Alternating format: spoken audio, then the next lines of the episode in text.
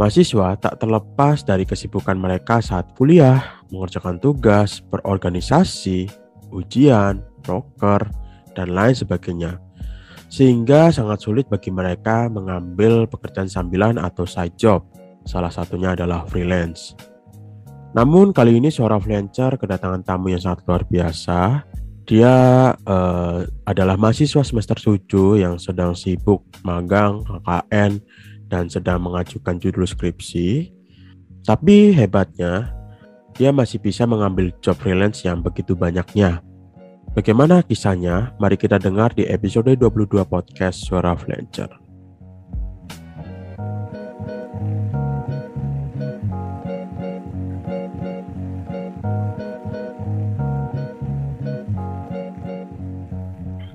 Hai Sobat Flancer semua, kembali lagi dengan saya Dwi Feb sebagai host kalian di podcast Suara Flancer. Kali ini kita kedatangan tamu yang sangat luar biasa, dia seorang mahasiswa yang uh, sedang skripsi semester akhir. Namun dia menyempatkan waktu untuk menerima undangan dari Suara Flancer, luar biasa banget. Dan di sini kita akan bahas tentang uh, bisa nggak sih freelancer itu sorry bisa nggak sih mahasiswa itu jadi freelancer? Karena kan banyak kesibukan gitu di sisi lain. Ya harus tugas harus ujian harus organisasi atau yang lain sebagainya gitu kan. Tapi uh, mahasiswa itu harus menerima job dari klien-kliennya. Nah kita sambut luar biasa yaitu Mas Salim halo Mas Salim halo Mas Dwi. Halo gimana kabarnya nih Uh, Alhamdulillah lagi uh, sehat dan baik juga. Mas Dwi apa kabar nih? Baik, baik, baik. Oke, okay, uh, eh, kalau boleh tahu nih sebelum kita ngobrol uh, serunya, perkenalkan diri dong dari nama, terus asalnya dari mana, terus kan mahasiswa ya, mungkin bisa dikasih tahu juga mahasiswa mana dan jurusan apa siapa tahu kan ada adik kelas tingkatnya nih yang nonton bisa bisa minta ajarin Mas Halim sebagai freelancer itu gimana tuh caranya oke silakan Mas Uh, ya, halo semua teman-teman suara freelancer. Perkenalkan nama saya Halim Usman. Saya berasal dari kota Tanjung Selor, Kalimantan Utara. Saya sekarang uh, sebagai mahasiswa di salah satu Universitas Negeri Makassar Uh, jurusan saya itu administrasi bisnis dan saya sekarang juga sekarang bekerja sebagai seorang freelancer di bidang desain grafis vektor ilustrasi. Ya. Mungkin itu. Oke okay, oke. Okay. Jadi tadi kan uh, Mas Salim bilang sebagai desainer grafis uh, apa vektor. Kalau boleh tahu nih ya. kerjanya ngapain sih gitu? Uh, ya kalau untuk saya ya saya menerima orderan-orderan di bidang vektor. Uh, ada vektor mobil, vektor uh, peliharaan, vektor potret, dan jika ada customer yang minta vektor item, mungkin saya bisa membuat untuk itu. Tapi ya masih bergerak di bidang-bidang itu, di bidang vektor ilustrasi. Hmm, hewan peliharaan ya maksudnya tadi ya soal peliharaan. Iya. Oke, ya, itu benar, kan benar. di bidang desain ya. Kok bisa gitu? Uh, apa seorang mahasiswa administrasi bisnis yang berhubungan dengan bisnis, keuangan, ekonomi, tapi kok uh, bisa gitu uh, apa bikin-bikin kayak gitu itu asal muasalnya gimana sih belajarnya?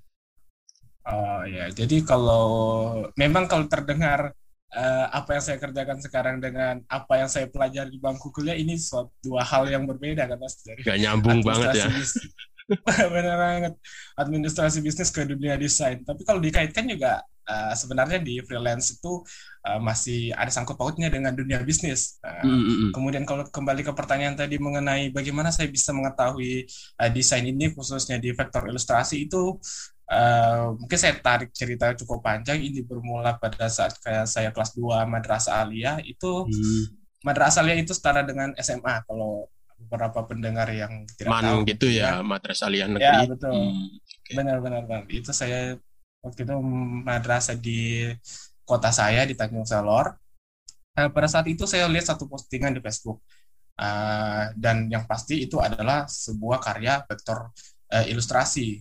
Uh, pertama kali lihat, ibaratnya sih saya jatuh cinta pada pandangan pertama. Wah ini apa nih?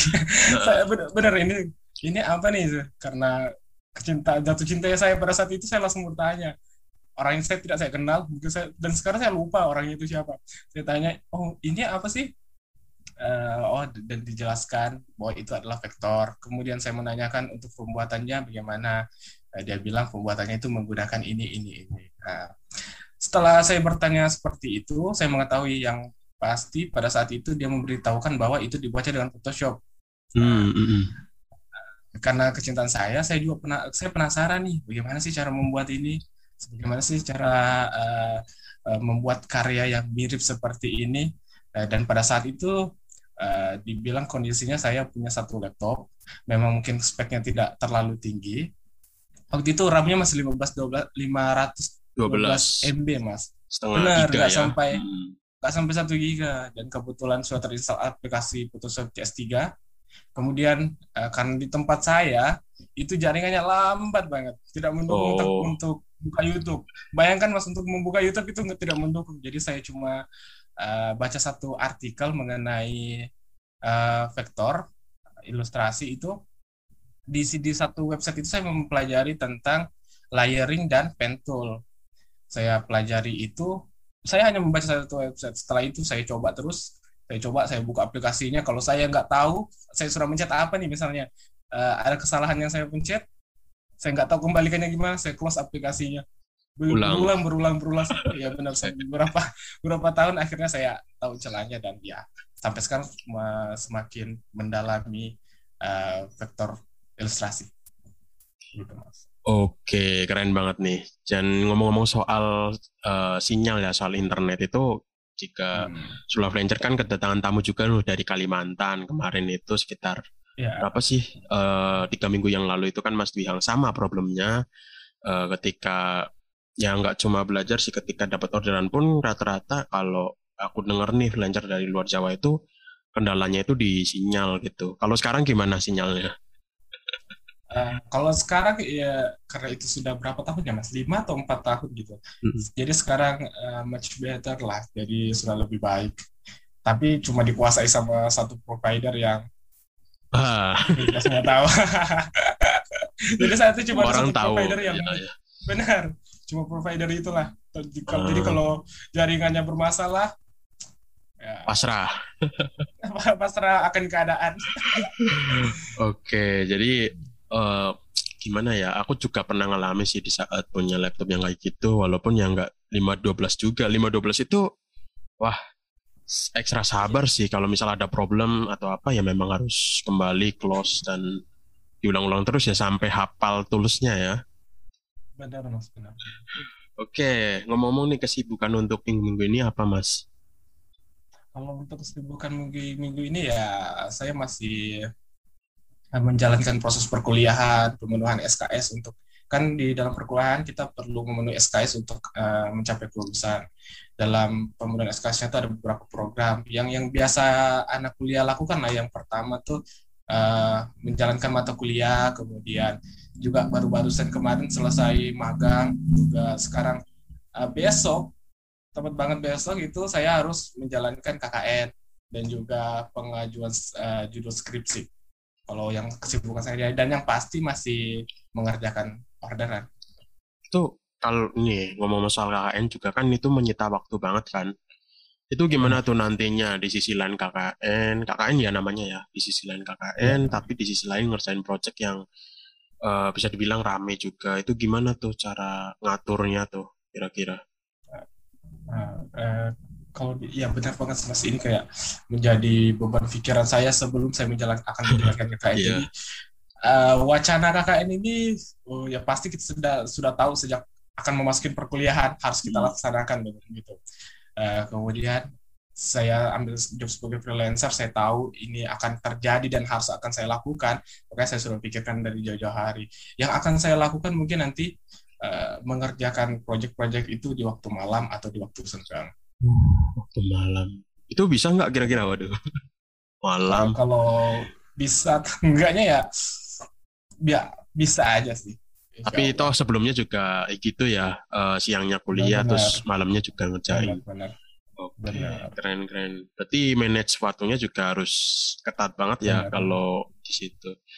Oke, okay, dan boleh sharing juga dong kenapa uh, awal mula jadi freelancer itu kenapa kan? Karena kan di sisi lain kan Mas juga uh, apa namanya mahasiswa dan kita juga tahu mahasiswa juga sibuk walaupun ada yang bilang enggak di semester awal tapi kan lama kelamaan juga sibuk ya yang namanya mahasiswa. Kok kepikiran gitu saat itu jadi freelancer? Uh, kalau ditanya mengenai kenapa saya jadi freelancer itu ya saya cerita sedikit awal mulai kenapa saya memulai sebagai uh, freelance ya karena Uh, yang pertama saya mulai itu karena saya menganggap oh saya punya bakat ini, sayang kalau tidak saya salurkan. Sebelum apa? Sebelum menjadi freelance, bakat yang saya miliki ya paling cuma buat fan art gitu, buat hmm. uh, gambar-gambar artis-artis yang saya suka. Tapi lama kelamaan tuh saya sadar nih, ini jadi ujung-ujungnya kayak sia-sia gitu mas. Mm-hmm. Jadi saya stuck di situ-situ saja. Jadi ya, dan juga pada saat saya memulai ini tuh pada kondisi pandemi segalanya menjadi sulit mungkin semua orang merasakan pendapatan orang tua bagaimana penghasilannya tidak tetap kemudian kebutuhan yang tidak berkurang sedikit pun.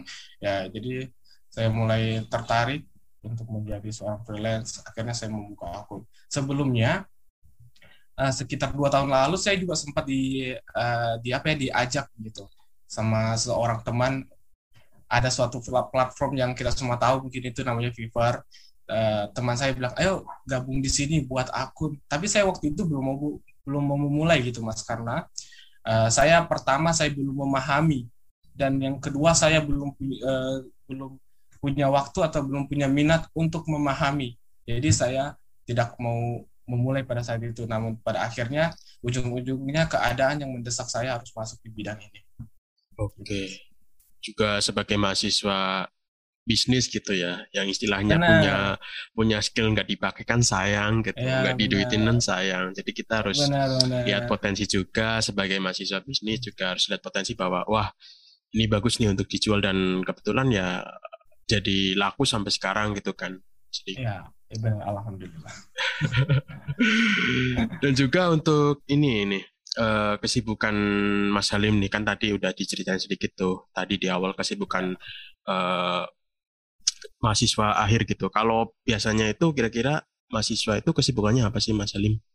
Hmm, uh, Oke, okay. untuk kesibukan mahasiswa yang uh, saya hadapi dan pada umumnya juga dihadapi oleh mahasiswa ini, uh, itu yang pertama berdasarkan rentetan Mas kan ini ada beberapa semester yang wajarnya itu seorang mahasiswa seperti saya yang menempuh kuliah uh, sarjana uh, S1 itu waktu wajarnya adalah empat tahun. Uh. Jadi uh, saya rentetkan nih dari waktu uh, kalau kalau untuk saya sendiri yang saya ikuti yang yang pertama adalah pada tahun pertama itu semester pertama dan kedua itu ya masih pengenalan dunia kampus dan menjalani mata kuliah yang yang sewajarnya lah yang sesuai dengan jurusannya. Kemudian tahun kedua juga masih sama. Nah tahun ketiga ini yang yang mulai berat mas karena di sana tuh adalah ada yang program namanya program magang dan kita sudah didesak untuk uh, pengajuan judul skripsi dan juga ada yang sedang saya akan saya lakukan yaitu mengenai uh, eh, KKN.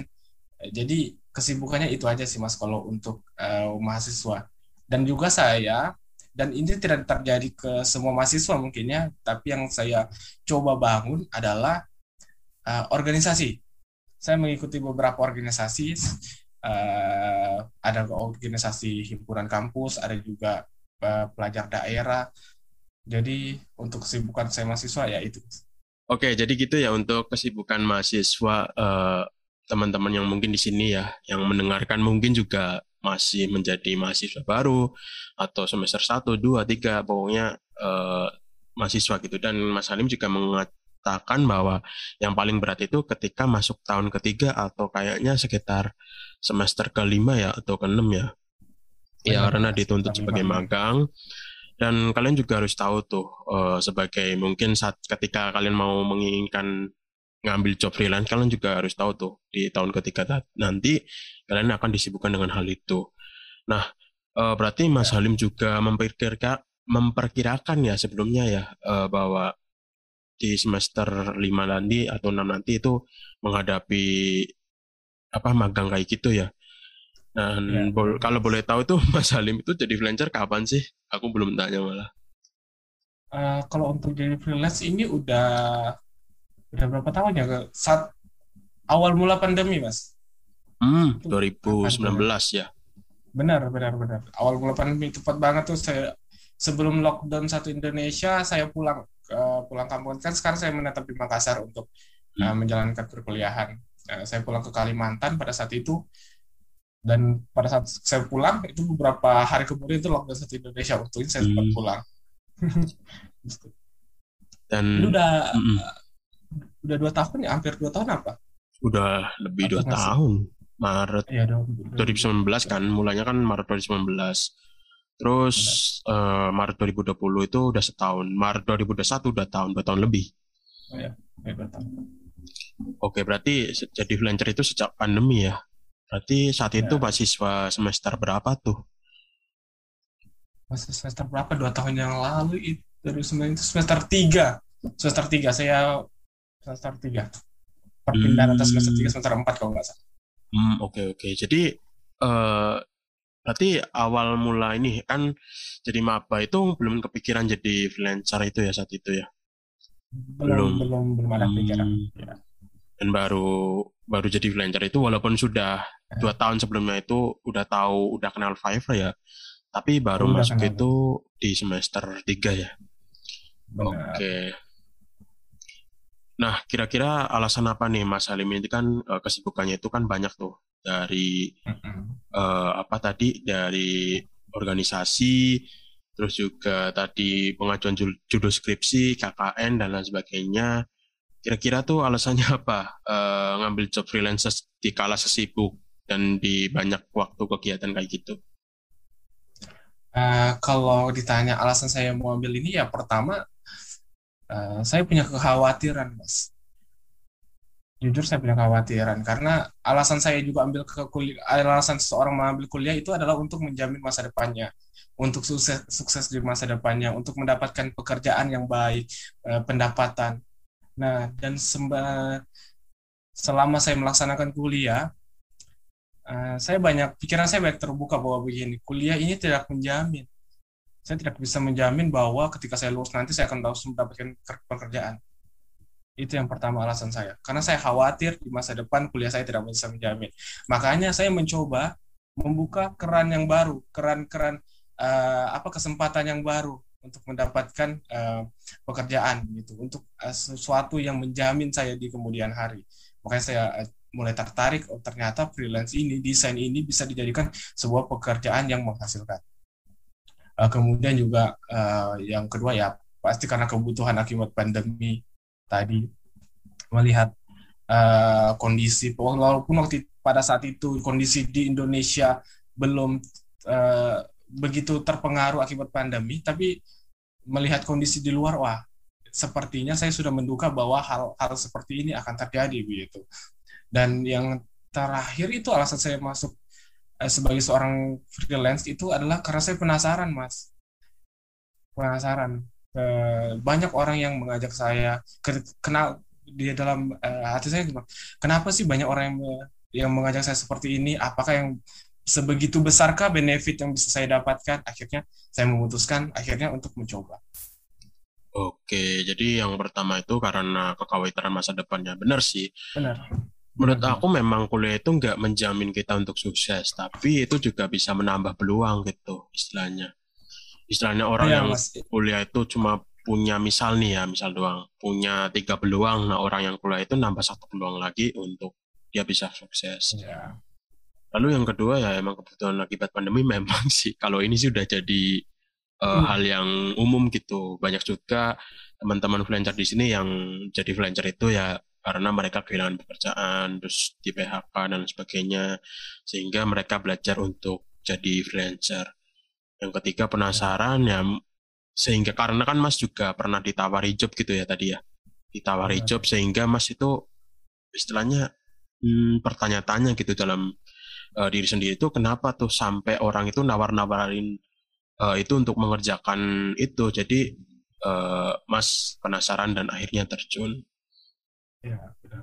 Dan uh, sebelum dan, mm, gimana? Oh, mungkin saya sebelum kita lanjut pembahasannya ini kan uh, tadi saya sempat bahas mengenai kekhawatiran masa depan. Mm. Terus saya katakan bahwa uh, sempat saya singgung bahwa kuliah itu tidak menjamin kesuksesan saya. Nah, saya mau bahwa sahabat semua yang mendengarkan tidak menjadikan alasan untuk tidak berkuliah kata-kata saya barusan. Wow. Memang kuliah tidak menjamin, tapi setidaknya dia menambah peluang kita yang seperti Mas Dwi katakan betul. tadi. Ketika ketika kita hanya menjalankan freelance, peluang kita sukses di masa depan itu satu. Ketika kita mendapat menambah uh, dengan kuliah, peluang kita menjadi dua. Kemungkinannya uh, semakin besar dan persentasenya semakin besar. Mm, gitu. Jadi itu juga eh, juga apa ya alasan yang uh, sangat besar mengapa saya uh, mengambil job freelance dan juga kuliah karena saya memperbesar peluang saya untuk menjadi sukses begitu. Uh, Oke okay, betul walaupun aku sebagai orang yang nggak kuliah ya, aku setuju banget pendapat yeah. Mas Salim. Kalau misal nih ya kalian punya kesempatan untuk berkuliah ya berkuliah karena ya yang namanya kesempatan itu nggak bisa datang kedua kali. Aku pun juga merasakan yang sama.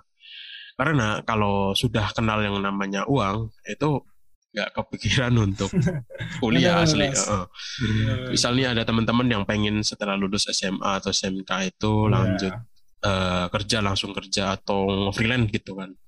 Yeah. Nah, mungkin kalian kepikiran untuk lah nantilah kuliahnya sambil uh, nanti freelance jalan aku uh, ngambil kuliah gitu. Tapi, waduh. Waduh. Kalau udah udah ngerasain duit, udah yeah, ngerasain duit udah udah udah semangat kuliah tuh udah turun lah. Uh, betul. Padahal dulu aku ingat banget sih waktu awal-awal lulus itu pengen banget yang namanya kuliah sampai hmm. dua tahun mencoba gitu kan tapi belum ada rezeki ya udah gitu tinggalin terus yeah. aku disuruh daftar juga kan kuliah tuh daftar kuliah itu lagi buka gitu kan lagi kan kamu udah punya uang gitu untuk daftar tapi yeah. akhirnya nggak minat sama sekali nunda-nunda sampai Makanya, sekarang pun belum ya itu sih bahaya kalau menunda-nunda apalagi sudah dicampurkan dengan uh, kita punya ekonomi sendiri wah itu makin malas mas uh, untuk kuliah jadi jadi bahan pertimbangan juga untuk teman-teman lah yang kalau misalnya punya pemikiran ah kerja dulu ah nggak freelance dulu baru kuliah uh, pikirkan itu faktor itu. Variabel itu. Kira-kira ketika kalian sudah bekerja nanti apakah semangat kalian akan tetap sama? Nah, itu pertanyaan yang tapi harus kalau pikirkan dari sekarang. Tapi kalau dulu mungkin mereka nggak berpikir kayak gitu gitu. Ada yang bilang gitu pun aku juga ah enggak kah aku tetap masih punya iya. semangat yang sama. Tapi aku ngerasain sekarang aduh nggak ada niatan gitu. Dan juga dipikir-pikir lagi juga kayak buang-buang waktu juga ya. Padahal yang kasih iya bener makanya pilihan itu antara kita mau ngelanjut freelance dulu terus kuliah kita sebenarnya itu juga berpacu kepada waktu.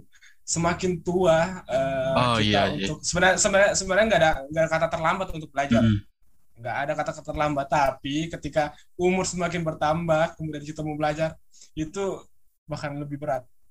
Mm, betul betul betul. rasanya rasanya itu pasti lebih berat gitu.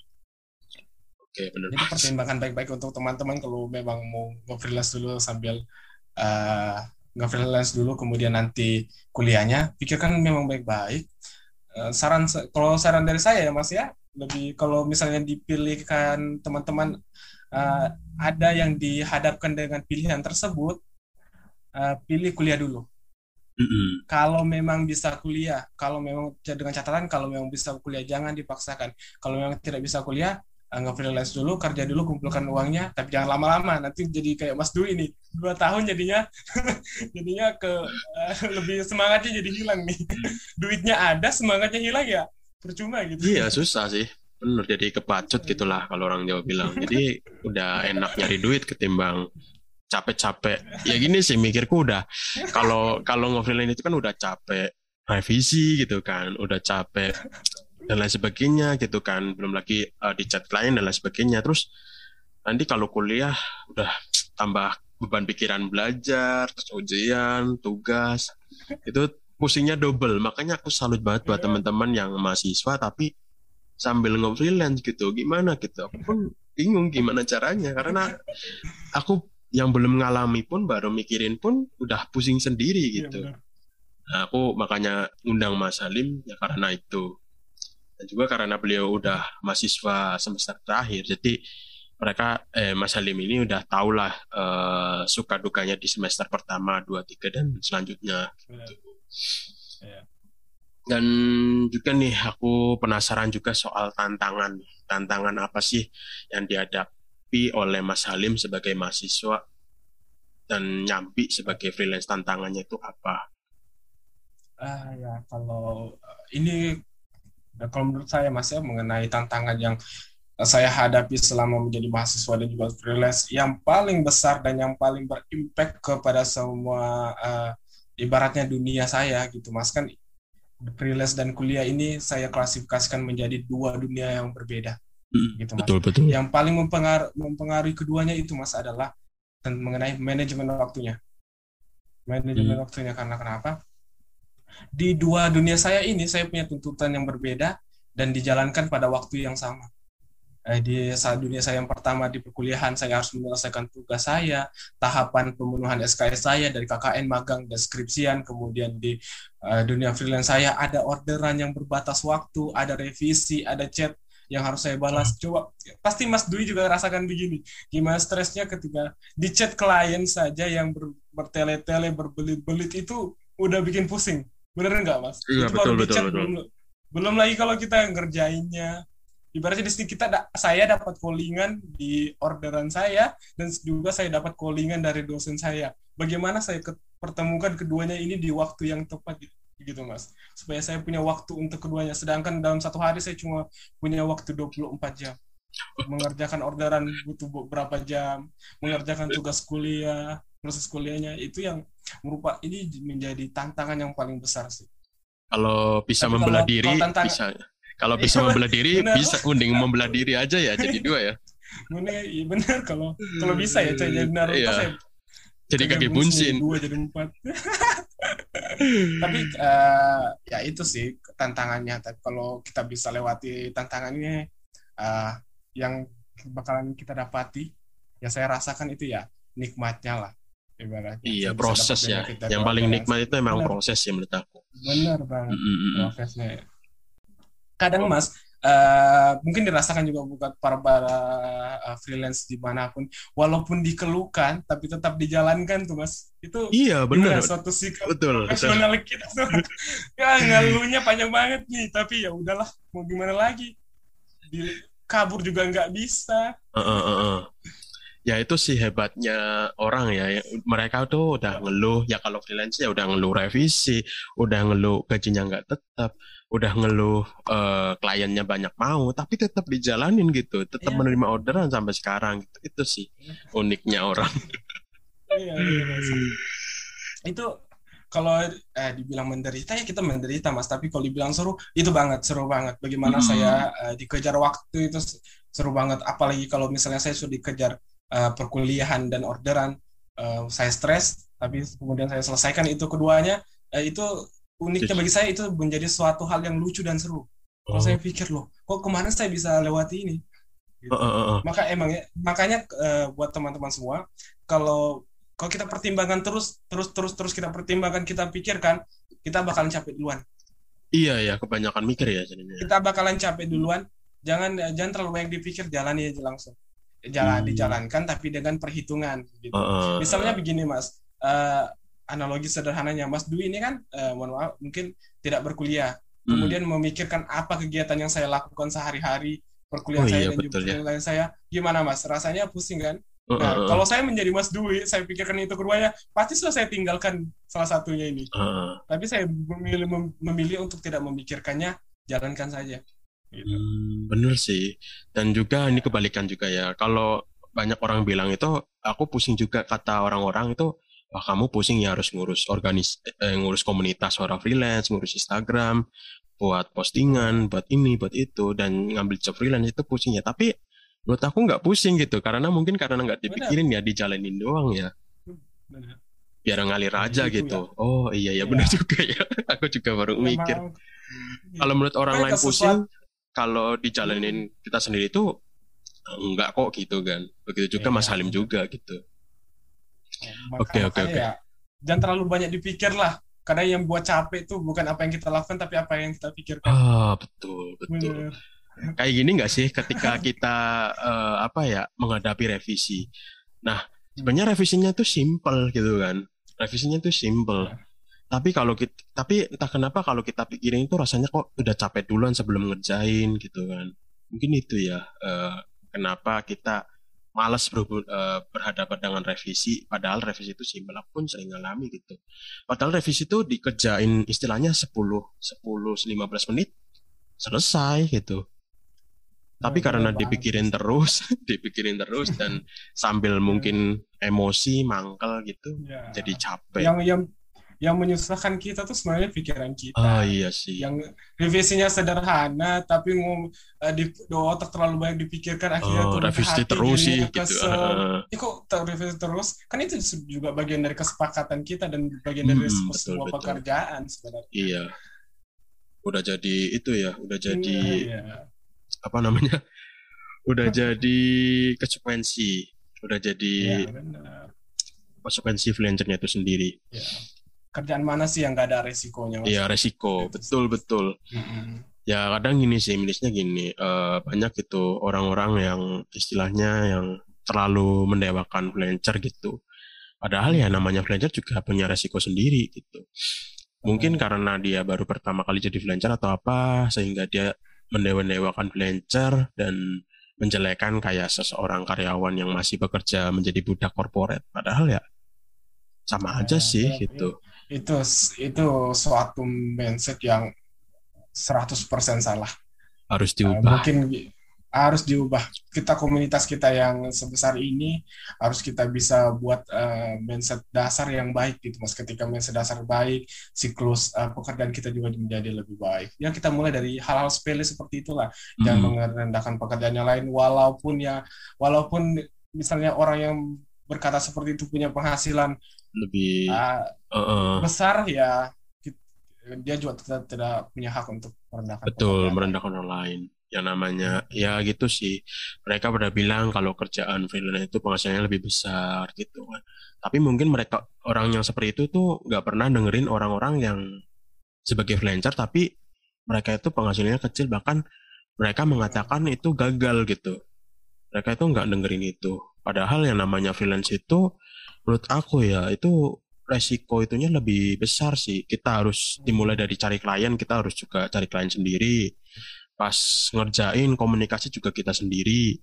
Lalu pas ya. uh, revisi ya kita ngerjain sendiri gitu kan. Dan juga yang namanya penghasilan juga nggak nentu gitu kan. Berbeda dengan karyawan yang mereka penghasilannya stabil.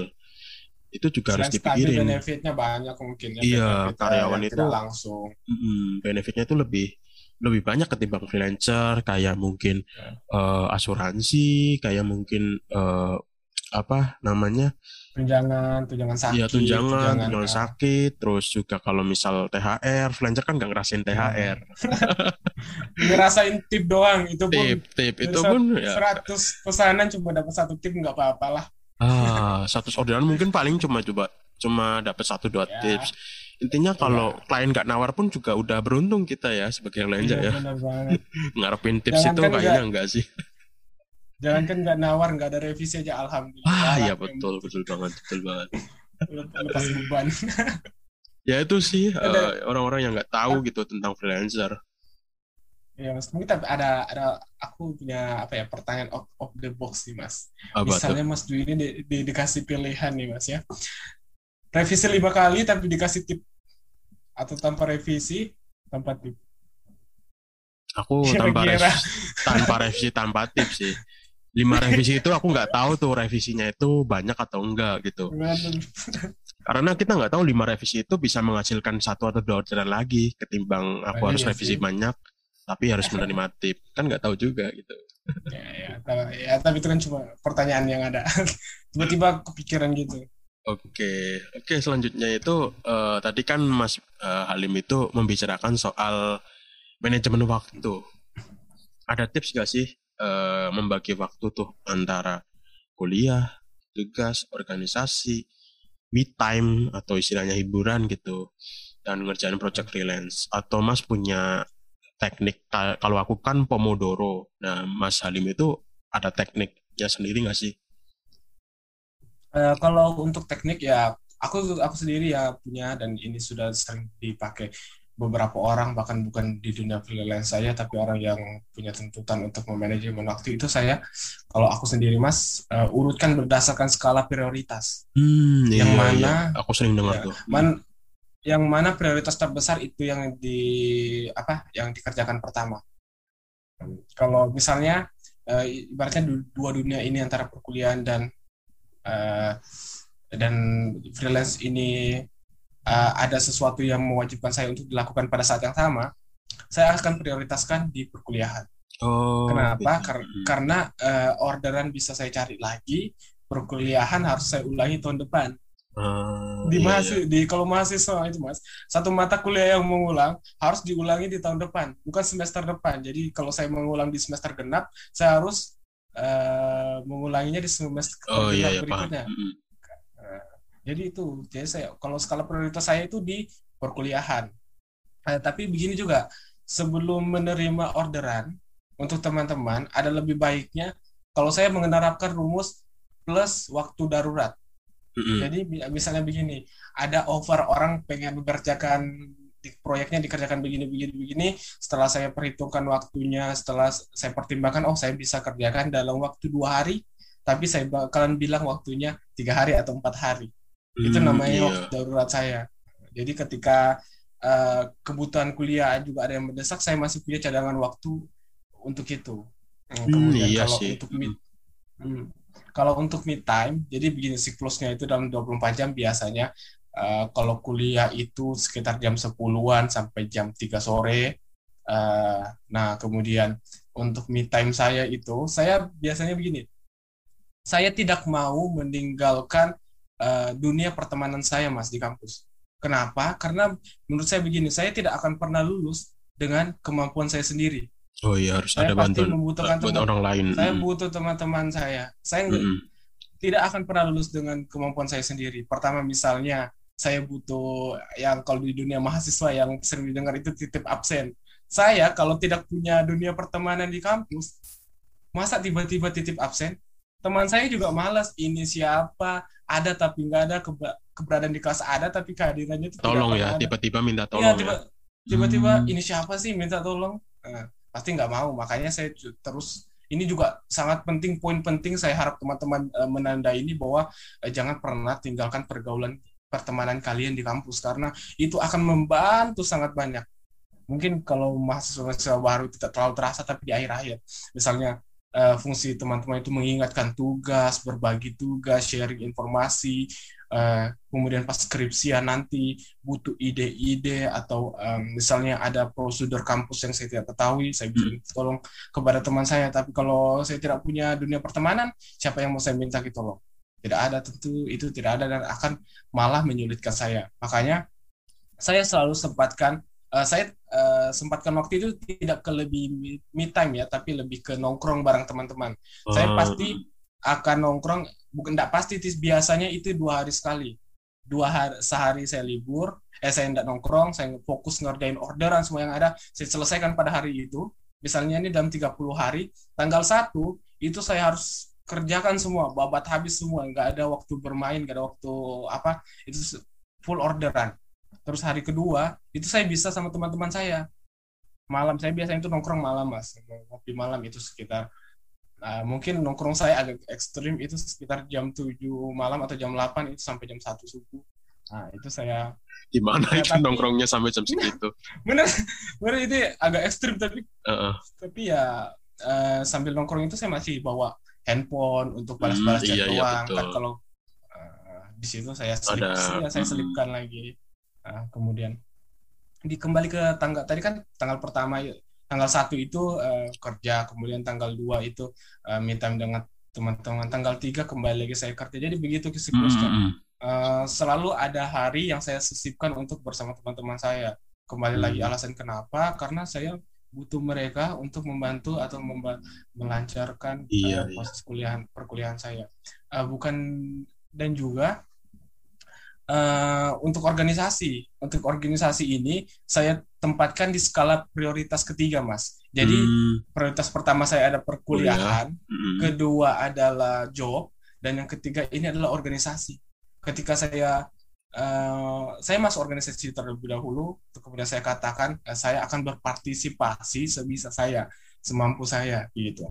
Jadi ketika uh, prioritas satu dua saya sudah uh, ibaratnya uh, sudah udah selesai tidak ada mm-hmm. sudah selesai saya masuk ke prioritas ketiga saya itu mengenai organisasi kenapa uh, kalau ditanya pasti ada pertanyaan sudah capek-capek kuliah capek-capek iya, iya. freelance nggak mau santai gitu uh, saya lebih baik mengorbankan uh, kesantaian saya di organisasi mas kenapa karena ibaratnya begini saya bisa menambah relasi baru balik ke pembahasan kita sebelumnya Pertemanan. kenapa saya ambil Hmm. bukan kenapa saya ambil perkuliahan dan freelance itu adalah membuka peluang saya sukses depannya oh iya betul saya ambil organisasi untuk itu mas bangun relasi iya iya ketika iya. nanti saya tidak bisa mengandalkan pekerjaan saya dan freelance saya ada teman-teman yang saya bangun dari relasi saya mungkin yang bisa membantu saya mencari hmm. pekerjaan untuk hmm, saya betul. gitu.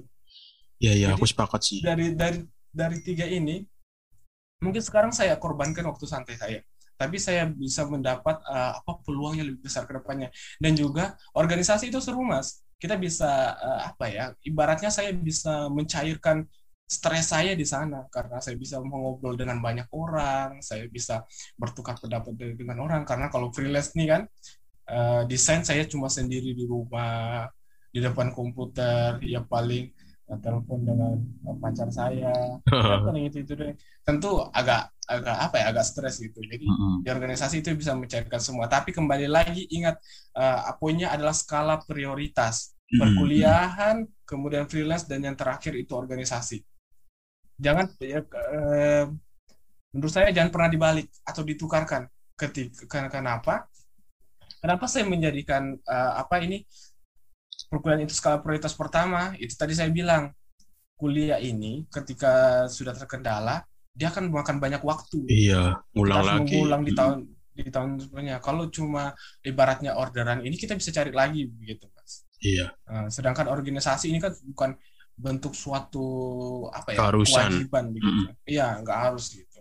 Kalau itu saya, kalau itu uh, cara saya untuk membagi waktu. Saya okay. berikan skala prioritas. Oke, jadi ini penting banget sih yang perlu di highlight juga. Jadi Mas Salim itu menggunakan uh, skala prioritas. Ini banyak juga yang dipakai orang-orang, bahkan rata-rata juga lancar yang pernah ketemui, mereka ya rata-rata pakai teknik itu. Dan benar juga yang namanya kuliah itu emang apa ya, nggak istilahnya kita itu nggak cuma ngambil ilmunya doang, tapi kita juga bisa ngambil relasinya juga kan. Nah, aku pun juga dulu awal kenapa kepikiran untuk kuliah juga pengen punya relasi yang lebih luas lagi kan. Hmm. Karena ketika kamu cuma lulusan SMA atau SMK ya relasimu cuma teman-teman SMK atau SMA. Nah, kalau ya. kuliah itu kan apalagi di kuliah di universitas negeri atau yang mungkin kalau di Jogja itu kan relasinya lebih luas lagi karena rata-rata ada mahasiswa perantauan dan pokoknya ya mereka kita juga bisa bertukar budaya bahasa kita bisa belajar budaya orang lain gitu kan. Nah aku sepakat sih soal relasi ini. Dan juga nih uh, soal apa ya melepas stres. Nah ini juga aku sepakat juga karena ini berbeda banget dengan apa yang uh, freelancer alami. Yang namanya freelancer itu rata-rata mereka itu kan kerja sendiri ya, nggak punya teman kerja atau apa. Jadi ya rata-rata mereka ya cuma di rumah gitu, ya kayak aku nih gitu kan. Tapi kalau Mas Halim ini ini ini juga apa ya trik yang bagus sih buat teman-teman yang mahasiswa ketika kalian sudah istilahnya istilahnya udah bosen dengan job freelance-nya bukan bosen sih lebih ke stres karena job freelance-nya jenuh, uh, jenuh. Ya. pelepas stresnya yaitu ngobrol dengan orang lain aku pun juga gitu sih Benar. aku kalau stres pun walaupun cuma virtual yang ngobrol lewat Discord atau ya. Uh, ya kadang Zoom juga gitu kan sama orang itu juga bisa melepas stres Nah, kalau mahasiswa bisa bergabung dengan organisasi atau ya tadi nongkrong gitu. Gitu sih. Oke, okay, ya, tips yang keren banget nih dari Mas Halim. Aku nggak kepikiran sih ya. bahwa apa ya ternyata ada loh mahasiswa yang ngambil job tapi seaktif itu dalam sosial gitu.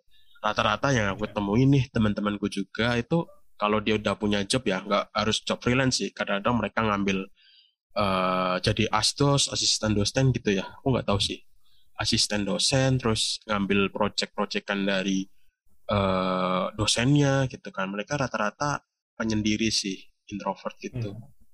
Mungkin karena ya, mereka mm, mungkin karena mereka kita, udah sibuk atau apa. Ya.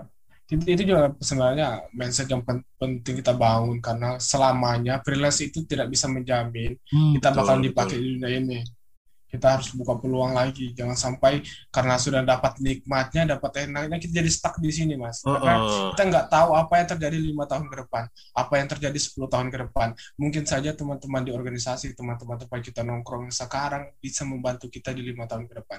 Gitu. Mungkin pekerjaan saya lima tahun ke depan akan menghilang atau saya tidak pernah digunakan lagi saya bisa uh, minta tolong mungkin di teman-teman saya. Yang iya. mungkin mereka akan lebih sukses daripada saya mungkin ke punya lapangan pekerjaan kalau saya tidak berteman dengan mereka walaupun mereka punya lapangan pekerjaan mau nggak mereka berikan itu kepada saya uh, uh, itu akan menjadi pertanyaan lagi tiba-tiba Begitu juga kebalikannya juga ya mungkin kalau kita Benar. sukses kita bisa nge-hire hmm. atau nginvite teman kita dulu yang sudah kita kenal gitu Aku pun Bener, ketika mas. nyari tim itu aku sain orang yang kenal dulu kan. Mas Salim juga gitu kan, hmm. orang yang kenal dulu. Bener banget. Hmm. Kenal dulu. Kalau udah nggak ada baru cari keluar. Uh, tuh. Cari di luar itu ada pilihan terakhir. Benar-benar hmm. faktor stuck dan membutuhkan orang buat keluar. Iya, aku juga sama sih. Dan penting juga sih memang uh, relasi itu. Ya. Oke, okay. uh, eh, dan juga ini juga penting banget. Jadi yang namanya freelance memang nggak menjamin. Jadi jangan terlalu lah yang namanya uh, terlalu terlalu nyaman di zona nyaman gitu terlalu hmm, jadi nggak kepikiran untuk nyoba nyari peluang baru gitu. Karena ya kita nggak tahu juga klien bakal pakai kita terus atau mungkin pekerjaan kita tergantikan oleh mesin gitu kan. Kan ada tuh banyak desainer yang panik karena munculnya Canva munculnya template. Ya. karena rata-rata pekerjaan desainnya tergantikan oleh template-template itu. Jadi si klien itu nggak perlu memas memesan jasa uh, freelancernya tinggal uh, pakai Canva aja gitu beli premium aja hmm. toh lebih murah kita hemat budget hmm. gitu sih ya. rata-rata mereka pada panik gitu nah ini ya. juga yang harus diingat juga bahwa yang namanya freelance juga itu gak menjamin juga kita harus explore ya. potensi peluang baru atau kalau kamu nggak keluar freelance ya kamu belajar skill baru hal yang lain hmm, gitu. Atau kalau pengen um, nyoba di luar lain ya bisa bangun bisnis gitu kan. Kalau bukan mahasiswa ya maksudnya. Bisa ya, bangun bisnis benar. atau apa gitu. Makanya kan mas semua ini kan gitu ini adalah tentang membuka peluang baru. Hmm. apa pun peluangnya dari mana pun. Ibaratnya kita nih membuka keran lebih banyak gitu mas. Iya. Dari yang satu yang dari pendidikan kedua dari freelance kemudian dari ketiga dari relasi dan pertemanan dan lain-lain. Hmm. gitu uh, intinya jangan stuck lah. Iya iya. Memang sih. Dan juga jangan kalau freelance itu menurut aku sih jangan mengharapkan satu satu platform ya. Benar satu platform. Sekalinya sepi bingung sumpah. Memang. Iya, aku juga pernah ngalami sih. Memang ini podcast ini juga selain uh, soal mahasiswa juga di sini kita membicarakan soal peluang gitu. Jangan mengharapkan benar. satu pemasukan doang. Kalau bisa kita benar, buka keran-keran yang baru gitu. Iya. Buka uh, peluang-peluang baru, cari customer tetap, orang-orang hmm. kepercayaan. Di sinilah waktunya kan semua semua kita bisa mulai dari sini. Hmm. Masalahnya juga kalau kita di masa muda nggak nyoba itu, bingungnya di masa-masa hmm. nanti ya kalau udah berkeluarga ya. Benar ya, sih? Benar mas, begini. Uh, benar banget. Kalau ibaratnya begini, saya waktu pertama buat vektor itu begini dulu lima tahun atau enam tahun yang dulu saya buat vektor muka artis Korea mas. Teman saya itu bilang buat apa sih? Buat apa? gitu. Kalau oh, saya ya. sekarang kembali ibaratnya kalau saya apa ya sedikit congkak masih kembali sekarang saya kembali ke depan mukanya dengan membawa semua apa yang saya hasilkan. Ini yang kukatakan lima tahun yang lalu untuk apa? Ini hasilnya ibaratnya begitu. Yang kita lakukan sekarang juga kita tidak bisa nggak iya. bisa nerima hasilnya secara instan karena tahu dua tiga uh, dan lima. Karena sesuatu yang besar itu dimulainya dari hal yang kecil ya betul nggak? Benar banget benar banget benar itu. Oke. Okay. mulai mulai mulai bergerak dari sekarang. Emang nggak emang benar tadi seperti saya katakan nggak ada yang namanya kata terlambat. Cuma kalau hmm. kita bisa hmm. mulai lebih cepat itu lebih baik. oh, oke. Okay. okay, pertanyaan lagi nih. Uh, pernah nggak sih kepikiran nih Mas Halim buat cuti saat project freelance-nya lagi rame-ramenya Uh, kalau masalah mengenai pernah kepikiran untuk cuti nggak? Jadi itu pernah saya alami itu saat perpindah semester 4 ke 5 pada saat itu uh, sempat booming dilempar terima orderan juga isinya semua itu mengenai hmm. pet uh. saya juga dapat orderan banyak pada saat itu kan jadi hmm uangnya ini lumayan ya kalau saya pikir begitu uh, uh. lumayan ya bisa menjadi biaya kuliah saya kembali 8 semester. Awal. Saya sempat 8 semester saya bisa biayai yeah. pakai itu. Uh. 12 semester saya bisa biayai ibaratnya begitu pikiran kotor saya pada saat itu. Sempat saya mulai komunikasikan kepada orang tua saya bagaimana. Hmm, yeah. Tapi untungnya saya punya uh, kakak, kakak perempuan saya itu uh, cukup kooperatif ketika diajak bicara. Uh, ya dia bisa berikan saya pandangan-pandangan dan satu pandangan saya yang terbuka pada saat itu adalah uh, walaupun saya menunda sekarang, tetap harus saya lalui. Saya menunda sekarang bukan berarti saya melewatkannya. Oh, saya oh. tidak jalani semester itu sekarang, saya harus jalani itu di tahun depan. Toh sama saja. Nah, kemudian uh, itu juga beresiko. Saya cuti selama ibaratnya empat bulan, empat lima bulan lah untuk satu semester. Dan saya minimal ambil dua semester pada saat itu.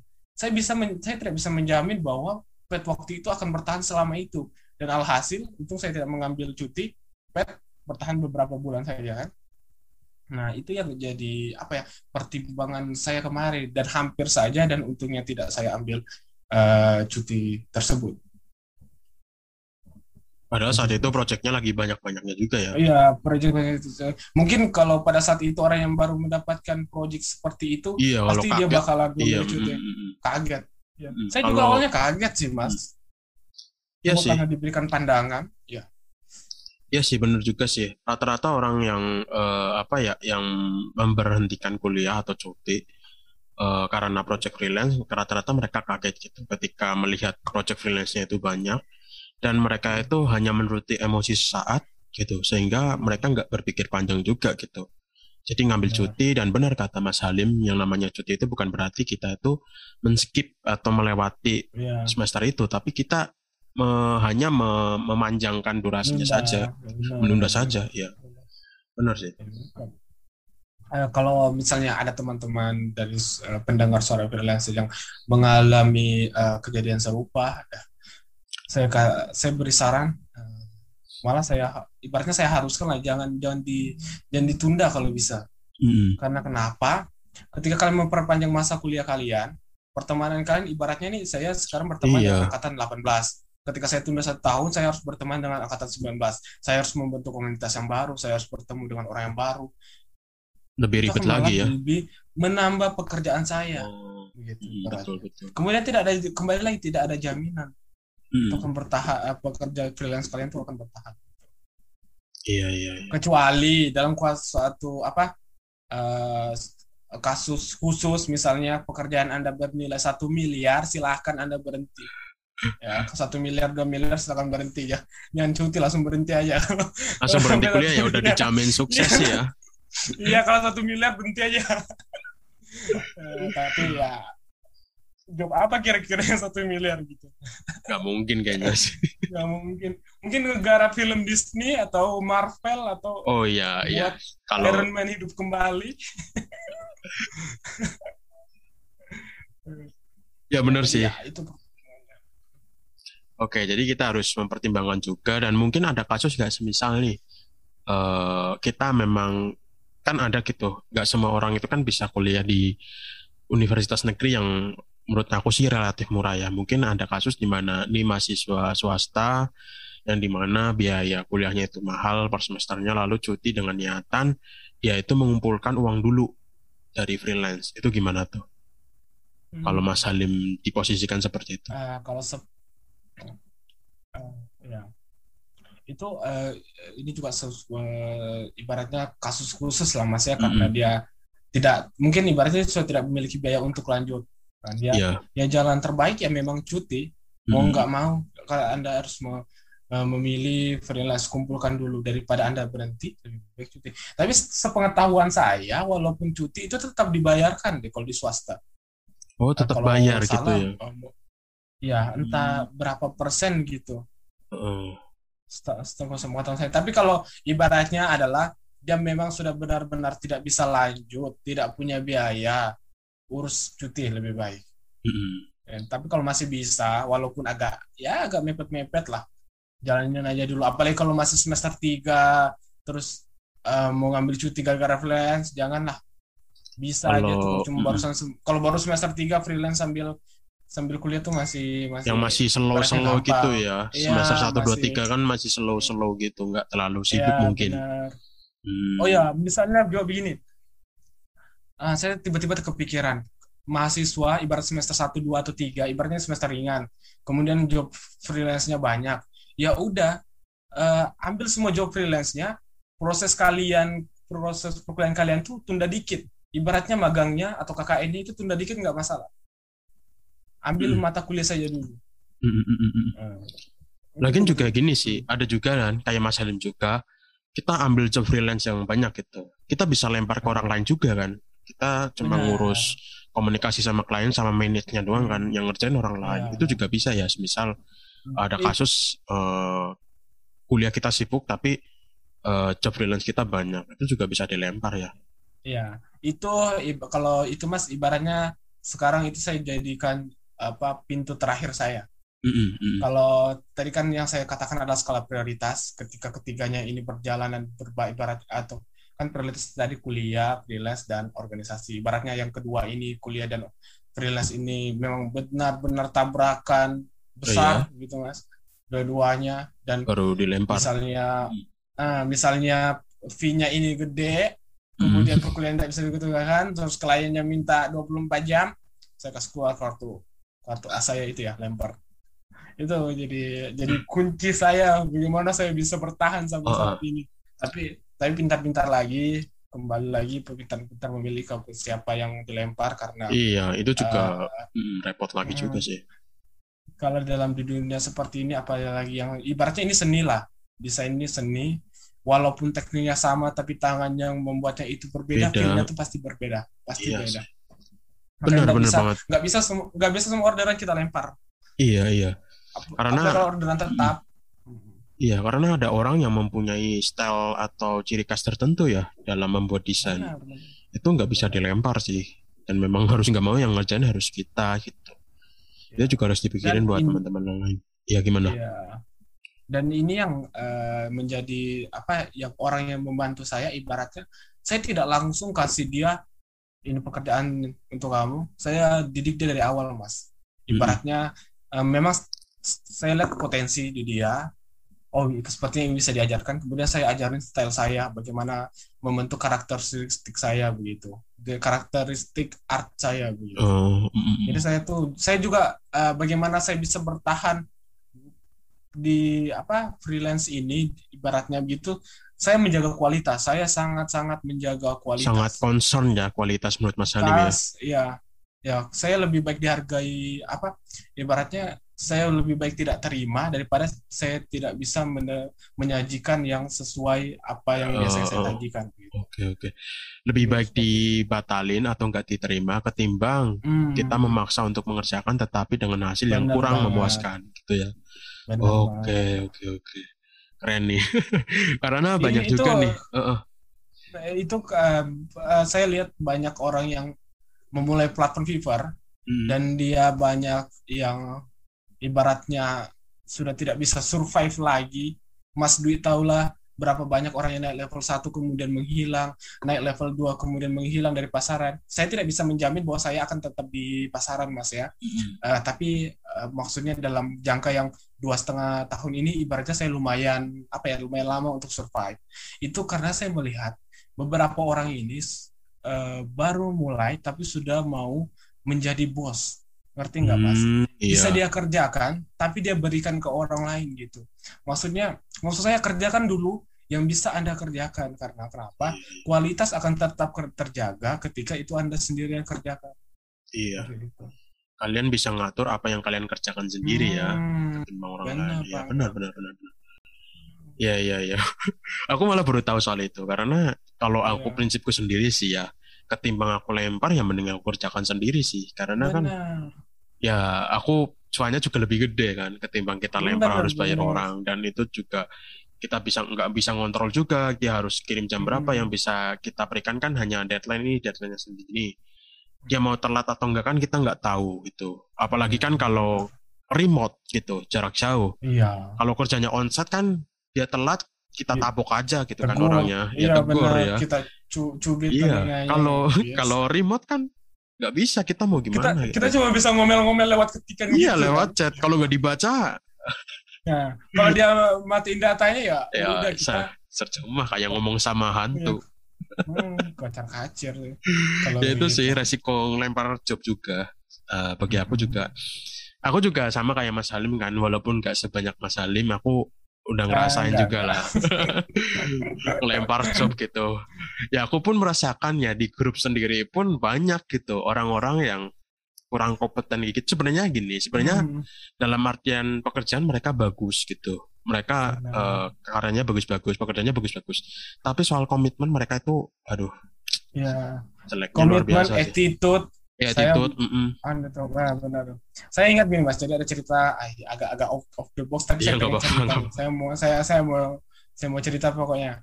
Saya, saya sebenarnya orang yang tidak suka drama, ibaratnya di dunia saya pekerjaan. Kalau bisa saya jalan uh, lempeng aja lah di pekerjaan ini gitu. Hmm. Tapi ada satu kasus kemarin, ini saya punya seseorang yang ibaratnya uh, biasa saya lempari lah, walaupun belum terlalu lama saya berikan dia saya berikan lempar terus saya ada satu pembayaran yang belum saya bayarkan itu ibaratnya cuma berapa mas ya uh, jajan Mas Dwi satu hari lah. Tidak saya sebutkan berapa ya jajan. Sepuluh juta. Jajan Mas Dwi satu hari. enggak. Berarti jajan Mas Dwi sepuluh juta di satu hari. Enggak, enggak, enggak, enggak, enggak.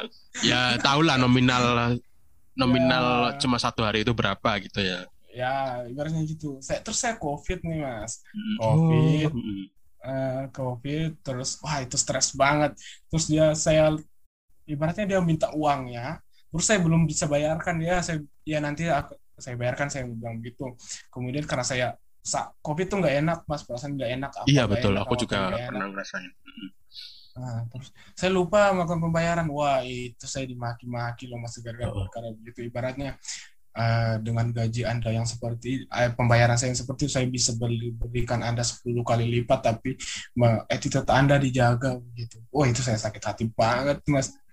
Akhirnya saya nggak pernah lemparnya sekarang. Padahal kalau bisa dibilang orang tersebut ya yang yang yang ajarin apa-apa mulai hmm. anu itu saya tapi Mungkin, makanya uh, uh, uh, uh, ketika saya meng-hire seseorang itu attitude-nya sih pertama. Bagaimana hmm. cara dia menghubungi saya. Walaupun ibarat terdengar sedikit berlebihan cara menghubungi saya pertama, tapi saya kasih poin penting di situ. Oh, oke okay, oke okay, oke. Okay. Dia melupakan apa yang sudah menjadi kebaikan Mas Halim sebelumnya ya yang di mana ya, udah kasih benar. job, udah kasih job, pembayaran ya. sebelumnya juga nggak mungkin telat gitu kan. Nggak pernah telat. Uh, uh, aku juga ada tuh satu ya aku punya tim memang kecil sih cuma ada satu orang yeah. yang benar-benar deket sama aku terus kalau ada job pasti yang ku lempar dia duluan gitu kan yeah. dia dia kayak gitu tak sering tak lemparin job gitu dan sebagainya terus ketika ada momen telat dia nggak gitu sih walaupun memang kalau iya, kita secara secara komunikasi kita memang ya namanya juga sama temen ya aku udah ibaratkan sama yeah. gitu kayak temen bilangnya kayak gitu bla bla gitu kan kasar gitulah hmm, ya, ya namanya ya, juga temen nongkrong ya, ya, gitu. no, ya. Ah. Tahu lah ya. Tapi ya, ketika aku pernah gitu kondisi di mana saat itu memang aku nggak bisa buka HP dan offline, ya hmm. nggak hmm. nggak nggak apa ya nggak sampai ngatangan gitu. Ya nggak ya. nggak negatif thinking juga gitu. Ah ya. mungkin uh, ini lagi sibuk atau apa gitu. Iya benar. Itu, uh. itu suka banget sih orang yang punya attitude begitu. Tapi saya juga punya satu orang yang seperti itu. Bahkan saya tanya, udah mau duitnya enggak? Dia bilang, enggak mas, tunggu sekian juta. Tunggu sekian oh. juta. Enggak mau ngambil dulu. Terus pas sudah sampai sekian juta, enggak mas, nanti dulu pegang aja, nanti habis kalau tahan. Itu oh. saking percayanya dia. Jadi Iya, aku juga sama sih. Ada saya gitu. gara-gara saking baiknya begitu attitude-nya dia tuh saya ibaratnya adalah saya kasih lebih dikit gitu. iya bonus gitu lah ya benar ya iya aku juga gitu sih. Uh, si orang itu memang ini uh, duitnya udah kan udah selesai nih ini mau gimana pembayarannya? gitu kan. Tabung dulu lah gitu kan. Lagian masih segitu gitu. Sayang kalau diambil maksudnya diambil sekarang. Nunggu sampai dia itu uh, ratusan ribu atau uh, jutaan baru dia benar-benar diambil. Pernah kayak gitu sih. Ya. Tapi kalau lagi mepet pun juga diambil dan kadang malah dia ngutang dulu gitu. Aku beberapa iya. kali diutangin tapi karena udah saking percaya sama dia, iya, ya, saya kasih. ya kasih. Mm, kayaknya kayak aku hmm. deposito dulu lah istilahnya. Deposito iya. dulu ketika ada project istilahnya nanti ada project ya aku nggak usah bayar lagi karena udah dibayar sama duit itu. Gitu, gitu sih. Sebenarnya Kalau, ya dari membangun seperti ini ya lebih ke attitude dan kepercayaan sih. Hmm begitu juga dunia freelance juga ya kita juga sama klien juga ya. harus kayak gitu, gitu. sebisa mungkin klien itu bisa istilahnya kita bisa memuaskan klien dan jangan sampai uh, kita itu mengecewakan klien gitu. Karena memang di freelance itu enggak nggak selamanya itu tentang hasil. Komitmen juga juga harus kita jaga ya, juga. Hmm. percuma kalau kita hasilnya bagus benar, tapi kita nggak komitmen. Deadline kita diabaikan ya. pekerjaan kita telat ya kita low respon gitu sih ya malah malah si buyarnya malah jadi kesal walaupun hasilnya iya, bagus walaupun hasilnya dia bagus. harus tendang mm-hmm. karena attitude kita dan uh, kedisiplinnya kurang jadi ya iya jadi, jadi enggak lah ini yang tadi sampai yang, yang tadinya yang tadinya harus bisa balik lagi beli 10 mm-hmm. yang udah beli satu dia pergi cari yang lain iya benar gitu. karena ya gitu sih yang namanya film memang gitu memang nggak ada patokan seberapa hasilnya eh, enggak enggak ada patokan serba bagus hasil kita tapi semuanya memang harus dipertimbangkan. Aku pun merasa sebagai desainer pun jelek. Nggak jelek sih maksudnya nggak bagus-bagus banget gitu desainnya. Ya. tapi aku menjaga komitmen itu gitu. ketika aku mendapatkan project ya sebisa mungkin klien itu puas gitu. Gitu sih. Karena itu yang jarang diterapin sama orang-orang biasanya Oke. Okay. Makanya dalam freelance tuh kalau saya sering terapin after service. Iya, after service. Mm, betul, betul, betul. Nah, bagaimana bangun relasi setelah orderan itu dia kembali balik yeah. balik. Dia kembali ibaratnya kalau ada teman-teman yang di bekerja di apa yang nge-freelance di Fiverr, ketika dia kembali repeat order repeat order itu jangan heran nanti impresi kalian tiba-tiba melejit. Uh, uh, uh. Itu pengaruh besar ya itu ketika repeat order dan sekarang di overview untuk Fiverr mungkin ada yang tidak aware itu untuk repeat order itu dikhususkan bisa yeah, yeah. analitik repeat order sebelumnya itu digabungkan eh, Iya digabungkan sama yang biasa itu ya. Mm, benar. Iya Terus kan dipisahkan. Nah itu karena kenapa dipisahkan berarti itu bermakna penting. Nah, karena ini sih ya. ada di Fiverr ini ketika ada page itu page gigs itu ada ada satu tulisan buyer buyer back gitu loh yang tanda piala itu. Iya. Uh, itu uh, itu juga aku baru tahu bulan kemarin sih. Itu juga uh, pentingnya bisa sukses di Fiverr ya itu dengan memperbanyak repeat client sih. Karena kalau udah ada banyak repeat client mau rolling mau apa nggak terlalu pengaruh ada, sih. ada, ada aja yang masuk. banget. Oke oke gitu makanya kalau kalau saya begini mas uh, eh tambah lagi ya. Mm-hmm. nah di dia saya nge-freelance ini ibaratnya gini. Saya ngasih target sekian dolar saya penghasilan saya sebulan itu ibaratnya saya sudah hati saya sudah tenang aman. Segini ya saya sebulan ini saya dapat segini. Bahas segini saya dikit nah untuk memastikan target saya per bulan itu saya uh, kalkulasikan dari semua repeat order saya yang saya bisa bangun relasi. Nah mm. dari sana mas jadi jadi uh, untuk menjaga uh, menjaga kestabilitasan saya dari situ untuk misalnya ada orderan yang dilewati itu itu saya anggap sebagai bonus saya. Mm. Jadi okay, okay. saya lebih prioritaskan ke repeat order. Mm -hmm.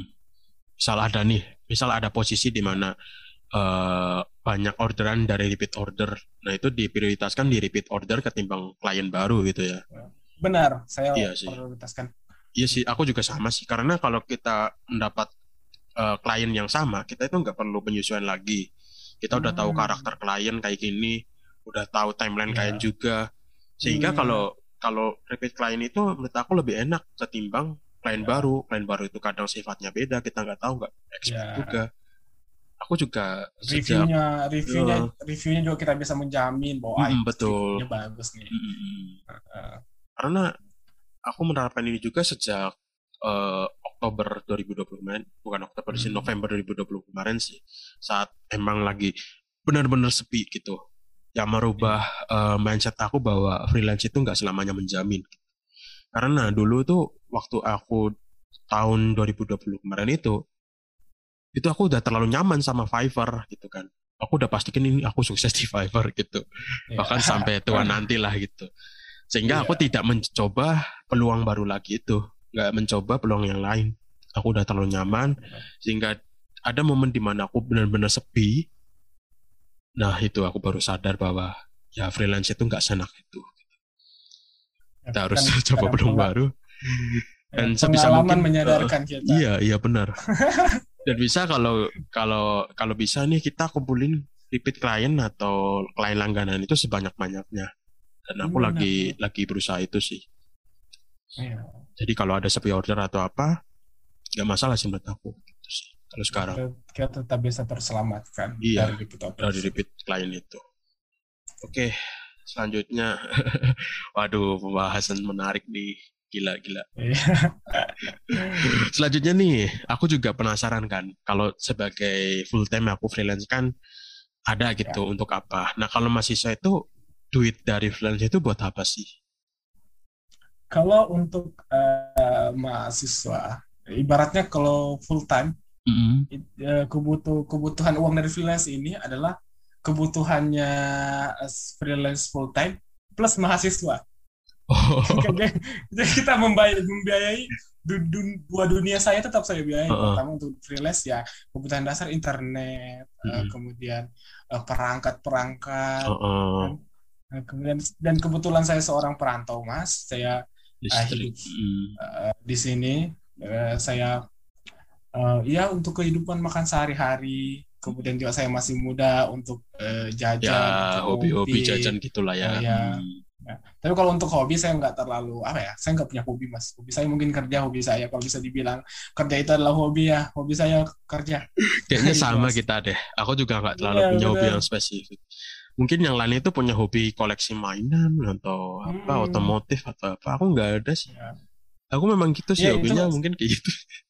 Iya, untuk untuk yang punya hobi sih nggak masalah. Iya nggak apa-apa kalau mm, mainan ya nggak masalah. Cuma gak karena apa. kebetulan saya dan Bos Dwi adalah dua mungkin dua spesies yang berbeda. Kami tidak punya tidak punya hobi, mungkin pekerjaan kami jadikan hobi. Uh, uh, uh. Aku ketimbang mungkin mungkin sempat kepikiran sih untuk beli mainan dan coba gitu. Yeah. Tapi tipir bagi lagi nggak aku nggak apa ya nggak kepengen gitu.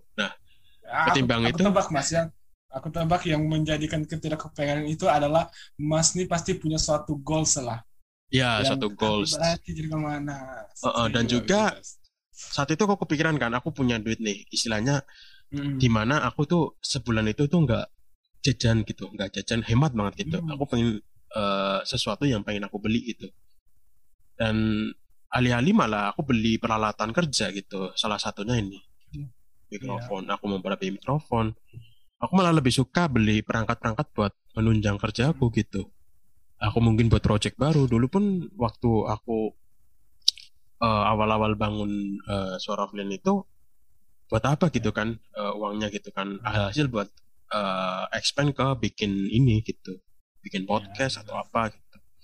Ini gitu sih. Ya aku mempersilahkan sih orang punya hobi apa gitu. Ya. asalkan ya harus ya, tahu print iya harus tahu kondisi keuangannya benar ibaratnya uh, hobi itu apa ya sebagai tadi pemecah kestresan Iya benar uh, benar benar. Atau kena sendiri, tapi setiap orang berbeda. Mm-hmm. Mungkin dengan seperti saya, saya dapat orderan saja itu sudah ibaratnya melepas stres. Iya, melepas stres. Uh, Daripada nggak ada orderan itu stres. Iya, malah lebih stres nggak ada orderan ya hmm. ketimbang stres ngerjain benar. orderan. Uh, okay. Mending saya ngerjain orderan sambil ngomel-ngomel sambil celotah celoteh mengeluh sini sana daripada saya stres mikiran nggak dapat orderan seperti itu sih. Okay. sama berarti sama aku juga gitu ya memang ya. rata-rata freelancer kayak gitu sih oke okay, uh, eh, ngomong-ngomong nih uh, soal orang tua nah nah soal orang tua ini sangat menjadi problematika bagi freelancer ya karena kan ya. rata-rata itu orang tua nggak tahu pekerjaan kayak gini gitu itu gimana tuh soal orang tua uh, kira-kira uh, orang tua Mas Salim itu tahu nggak anaknya kerja jadi freelancer gitu? Uh, ini Mas ya kalau pembahasan mengenai ini ke, ibaratnya lebih ke deeply ke ke mengena ke hati saya gitu Mas karena uh. uh, untuk ke orang tua memang untuk pertama yaitu pekerjaan kita mengenai freelance ini pengetahuan orang mengenai freelance itu sedikit kurang. Iya memang. Apalagi ke orang-orang tua, ya yang orang tua, apalagi orang tua saya tidak begitu berpendidikan. Mm uh, jadi bahkan yang berpendidikan saya kurang tahu ini sepertinya ranahnya freelance ini seperti apa. Uh, pendapatannya itu bisa begini, bisa begini, itu orang orang nggak semua orang tahu gitu mas. Cuma yang yang terjadi pada saya adalah uh, awal-awal saya tidak memberitahu kepada orang tua saya, tapi uh, seiring dengan uh, banyaknya orderan yang masuk, waktu dan pola hidup saya mulai berubah, uh, bagaimana pola tidur saya juga berubah yang disaksikan langsung oleh orang tua saya. Orang tua saya bertanya apa yang kamu lakukan setiap harinya begitu. Yang akhirnya saya mau nggak hmm. mau harus saya jelaskan juga. Akhirnya saya jelaskan, ma saya bekerja sebegini begini begini begini. Awalnya kayak gimana ya? Kurang percaya begitu. Saya dipikir adalah uh, menghabis-habiskan waktu seperti biasanya. Eh, memang saya orangnya adalah uh, suka di kamar mah sendiri. Pokoknya pulang sekolah waktu SMA tuh langsung di kamar. Ya tidak jauh seperti kehidupan freelance, apa-apa hmm. tuh di kamar sendiri gitu. Uh, terus uh, saya jelaskan ke orang tua saya bisa begini, saya berpendapatan segini. Oh, orang tua saya uh, awalnya sedikit apa ya meragukan lah ibaratnya, tapi ada uh, money is the best language. Oh, aduh uang itu adalah bahasa terbaik buat teman-teman semua, buat sahabat-sahabat semua yang sedang mendengarkan. Ketika ada orang tua kalian, kerabat kalian, teman kalian tidak mempercayainya, gak usah dibacuti. Money is the best language. Buktikan dengan itu. Biar bukti yang berbicara ya. Biar bukti yang berbicara. gak, gak usah, gak, gak usah, gak usah apa ya, gak usah panjang lebar menjelaskan freelance itu kerjanya seperti ini. Saya menerima order saya berbicara bahasa Inggris, saya menjelaskan seperti ini. Saya mengajukan portofolio eh, mental saya debutik ini saya manajemen mesin tidak usah dijelaskan seperti itu. Mereka tidak akan peduli. Oh, betul betul Coba betul. kasih bukti gitu. Ini saya bisa dapetin oh dengan sendirinya mereka akan penasaran dan mencari tahu. Ibaratnya seperti itu. Dan akhirnya alhamdulillah sampai sekarang uh, saya didukung 100% oleh uh, orang tua keluarga saya dan termasuk orang tua. Hmm, oke okay, oke okay, betul. Itu yang aku rasain dulu juga sih. Ya, memang ya. susah sih jelasin hal-hal yang seperti ini untuk orang tua gitu, ya. apalagi orang tua yang uh, kalau aku sih orang tua yang nggak kenal teknologi itu ya memang susah ya, gitu. Benar. Jadi emang pembuktian yang bisa kita lakukan ya adalah uang gitu. Iya betul. Eh, dan juga begini mas, uh, satu hal untuk teman-teman uh. kan ini uh, pembahasan kita adalah mengenai pilihan uh, mahasiswa antara hmm. perkuliahan dan juga freelance. Uh, mungkin misalnya teman-teman sudah melakukan kesalahan ibaratnya dicekal oleh keluarga anu orang tua lah ibaratnya. Jangan semena-mena kalian bilang, enggak ini akan menghasilkan. Lihat nih si ini, lihat nih Mas Dwi ini penghasilannya begini-begini. Aku mau berhenti kuliah. No, nggak bisa. Kalian uh, kalian memulai kal buat teman-teman yang sudah memulai, kalian memulai perkuliahan kalian dengan biaya orang tua, Iya betul. Tidaknya selesaikan. Hargailah ya. Apa ya? Hmm, hmm, jadi orang tua yang kasih. As, benar, saya mau independen, saya mau menghasilkan sendiri. Saya mau berhenti kuliah dan melanjutkan freelance, jangan pernah, jangan pernah lakukan itu. Kasihan orang tua. Hmm, ya. Betul. Benar juga sih. Uh, kalau bisa sih ya janganlah selesain gitu. Hmm, Istilahnya kalau setelah lulus mau jadi freelancer atau enggak kan bisa gitu kan ya, ya. Uh, nggak usah terlalu terburu-buru juga lagian juga itu juga kuliah itu juga uang dari orang tua dan hargai mereka yang udah Benar. membiayai kan sayang juga kalau berhenti di tengah-tengah itu kan duitnya jadi ya, sia-sia ya, nggak sih Benar, tugas kita itu memberikan penjelasan bukan menentang mereka.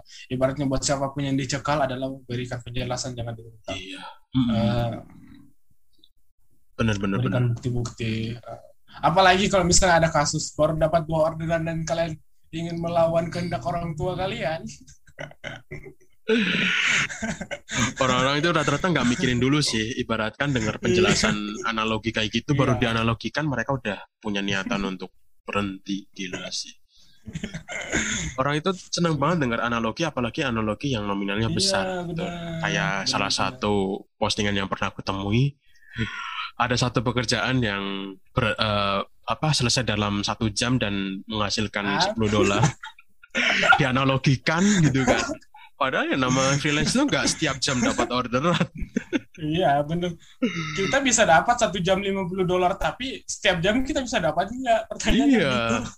Setiap jam kita bisa mengerjakan pekerjaan 50 dolar, tapi bisa nggak kita iya, tiap bener. jam dapat project 50 dolar lagi? Iya, bener banget. Jangan bilang itu 50 dolarnya kebetulan dikerjakannya cuma dalam satu jam. Iya benar. Ya, dap dapatnya satu tahun sekali. itu sih yang kurang aku suka sama uh, teman-teman yang yeah. baru terjun mereka suka banget menganalogikan hmm. padahal ya yang namanya analogi itu enggak ya. nggak tahu itu benar-benar terjadi apa yeah, enggak gitu memang harus diperhitungkan dulu gitu sebelum benar-benar terjun apalagi sampai niat berhenti kuliah itu suatu hmm, keputusan benar. yang besar yeah. sih ya, uh -uh. ini buat teman-teman yang baru mau kuliah dan yang mungkin masih kuliah yang mungkin pikirannya masih pendek jangan jangan jadikan analogi-analogi seperti itulah uh, uh. karena ibaratnya bisa menghancurkan perkuliahan kalian mm -mm.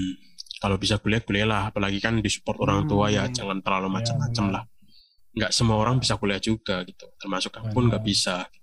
Ya. itu sih teman-teman tapi buat teman-teman yang nggak bisa kuliah ya jangan jangan apa ya jangan jangan berkecil hati. Iya, jangan berkecil hati sih.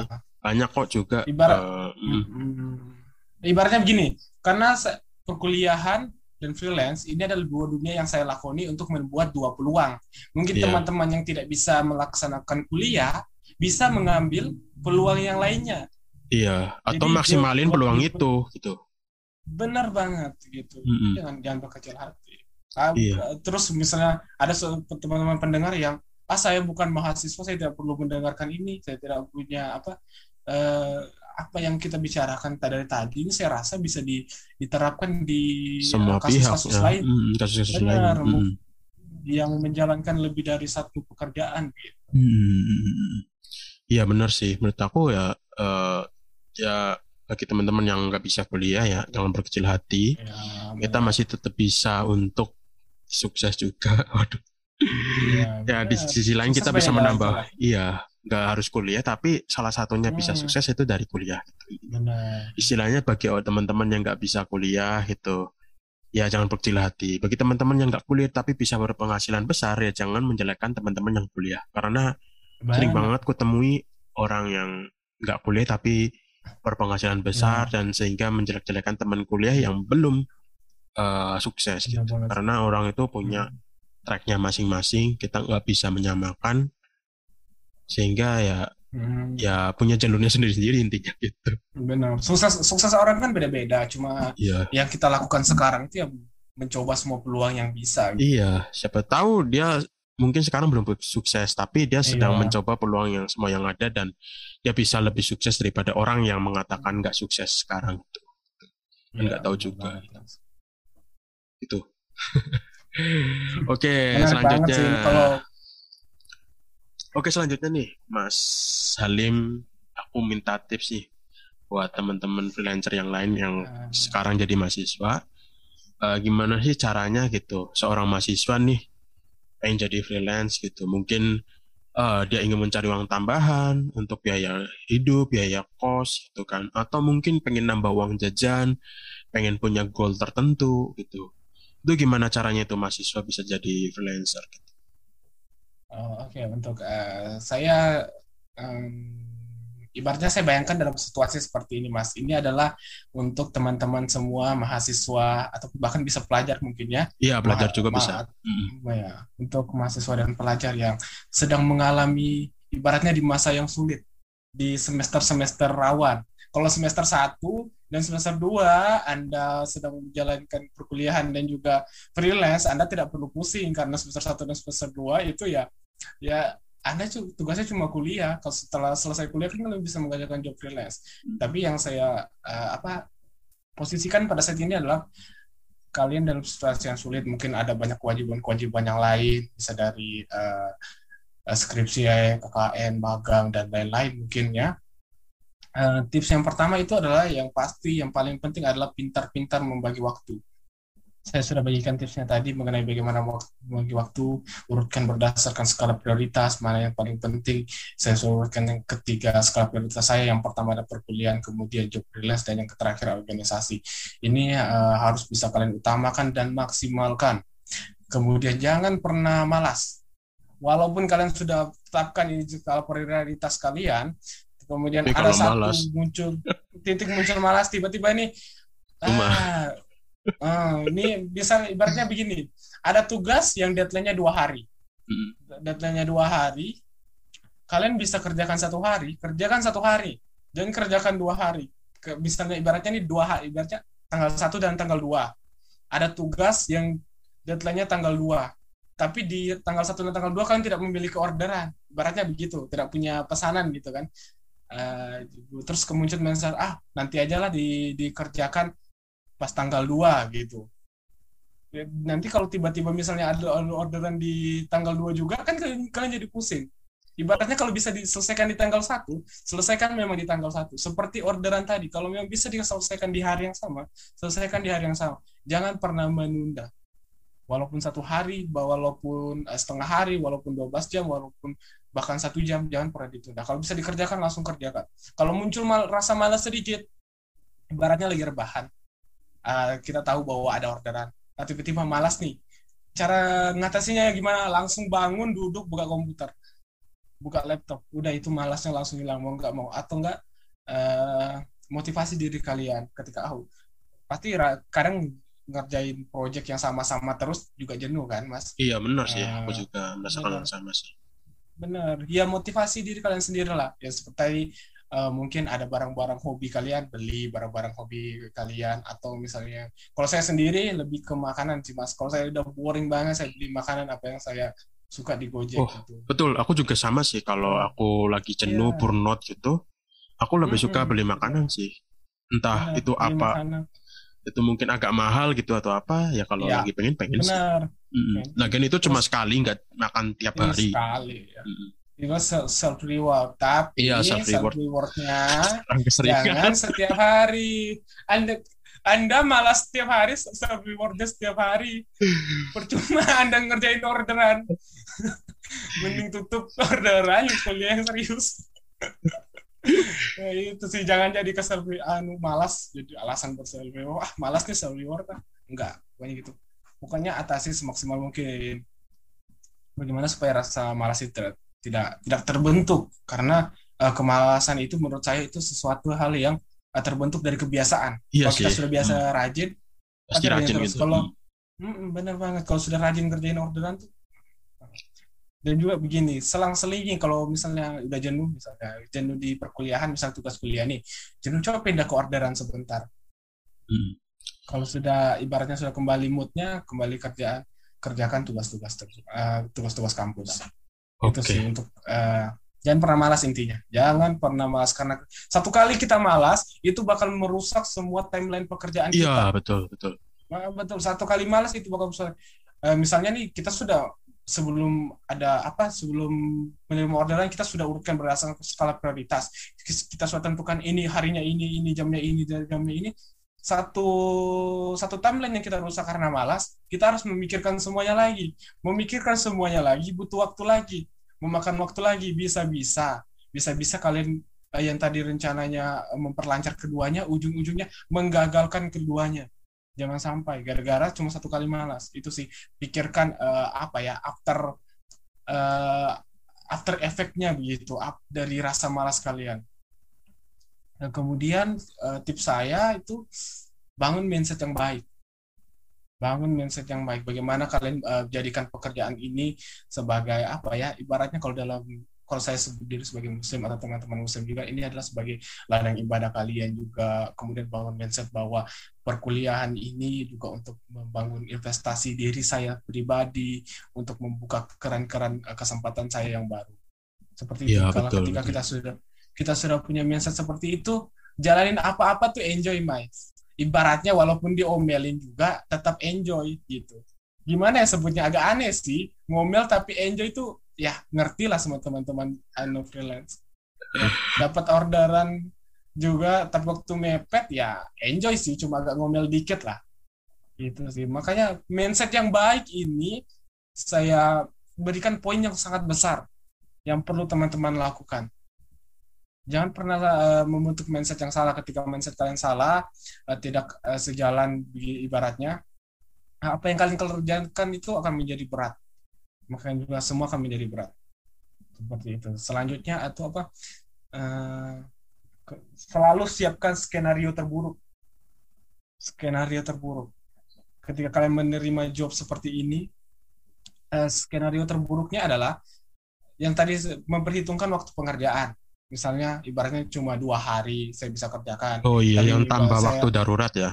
Ya, hmm. saya menyediakan ketika ada apa-apa di dua waktu hari tersebut karena yang pertama kesehatan saya, saya tidak bisa menjamin saya setiap bangun saya sehat, saya fit, yeah. saya bisa mengerjakan dengan baik. Mungkin ada sakit, makanya saya siapkan uh, apa penanggulangannya lah untuk skenario terburuk. Ini juga masih apa ya? Masih berhubungan dengan jangan malas itu, Mas. Walaupun scan kita sudah gara-gara siapkan skenario buruk nih jadi malas. Oh aku oh masih ada satu hari lagi kan? Ya, hmm, bikinnya gitu. bener. Ah, masih ada satu hari ya. Mas dikit ah jangan sampai. Jangan jadikan hmm. penyiapan skenario terburuk adalah celah untuk malas. Itu ya yang biasanya orang selalu ngerjain mepet mepet deadline ya. Karena hmm, mereka ya, selalu menunda-nunda ya. Iya, hmm. sama satu lagi uh, mindsetnya mahasiswa adalah tiba masa tiba akal. Ketika deadline ibaratnya deadline tinggal 12 jam baru bisa ngerjain semua tugasnya. Jangan begitu dan begitu kerjain. Kalau bisa hari ini dikasih tugas hari ini dikerjain. Uh, saya uh, kalau dibilang saya juga masih apa ya ibaratnya uh, la, apa lalai dalam hal inilah. Saya masih kadang telat begitu. Tapi saya usahakan semaksimal mungkin bagaimana saya bisa mengerjakan di hari yang sama Oke, keren keren keren. Jadi ini ya. prinsip yang aku dapatin sih ya, inti yang aku dapetin sih lebih baik kita cicil ketimbang kita ngerjain di sekalian telat ya. gitu. Bener sih di selang ya. sini juga paling oke. Aku juga kadang gitu. Kalau ya aku bukan mahasiswa sih, cuma kan aku punya dua job desk yang ya. berbeda. Di sisi lain aku ngerjain freelance, di sisi lain aku uh, punya komunitas tuh kan suara freelance hmm. gitu kan kadang buat postingan gitu kan. Kalau aku bosen buat postingan buat suara freelance ya aku ngerjain apa yang jadi orderanku saat itu. Kalau misalnya aku bosan atau burnout uh, mungkin klien itu banyak mau banyak uh, banyak ngomong atau apa gitu banyak revisi ya aku gantian ke yang ini. Itu sih iya. ketimbang kita ya, malah nggak ngapain ngapain. Ketimbang kita nggak ngapa-ngapain. bener, uh -uh. bener sih aku juga kadang gitu lebih baik aku tuh lari estafet daripada aku lari maraton. Gimana tuh maksudnya? Jadi ibaratnya kita kerjain dikit-dikit kan estafet tuh bergantian. Oh iya iya gitu iya kan? dikit-dikit. Iya mm-hmm. daripada kalau kita lari maraton kan jangka waktunya anu sedikit tapi larinya cepat. Kalau uh, uh, lari maraton tuh kan eh, estafet bisa diganti-gantian. Itu begitu sih. Iya betul, betul. Nah, kemudian tips saya yang terakhir ini adalah buat teman-teman semua mau itu yang telah memilih untuk melakukan dua ibaratnya mengambil dua dua dunia ini ataupun yang baru mau mengambil adalah jangan pernah setengah-setengah dalam menjalani. Mm-hmm. Jadi kalau kalian sudah memilih keduanya, jalani keduanya dengan sepenuh hati, jalani dengan semaksimal mungkin. Uh, dua dunia ini memiliki dua target yang berbeda. Di dunia perkuliahan kalian targetnya adalah lulus tidak sekedar lulus, kalian punya relasi yang baik, kalian punya nilai yang baik yang bisa kalian jadikan jaminan untuk masa depan kalian. Yang kedua, di dunia kalian kedua di freelance adalah tujuannya untuk mendapatkan orderan, tidak hanya orderan, tapi orderan yang stabil, terus dipakai. Nah, bagaimana caranya agar dua tujuan ini bisa tercapai?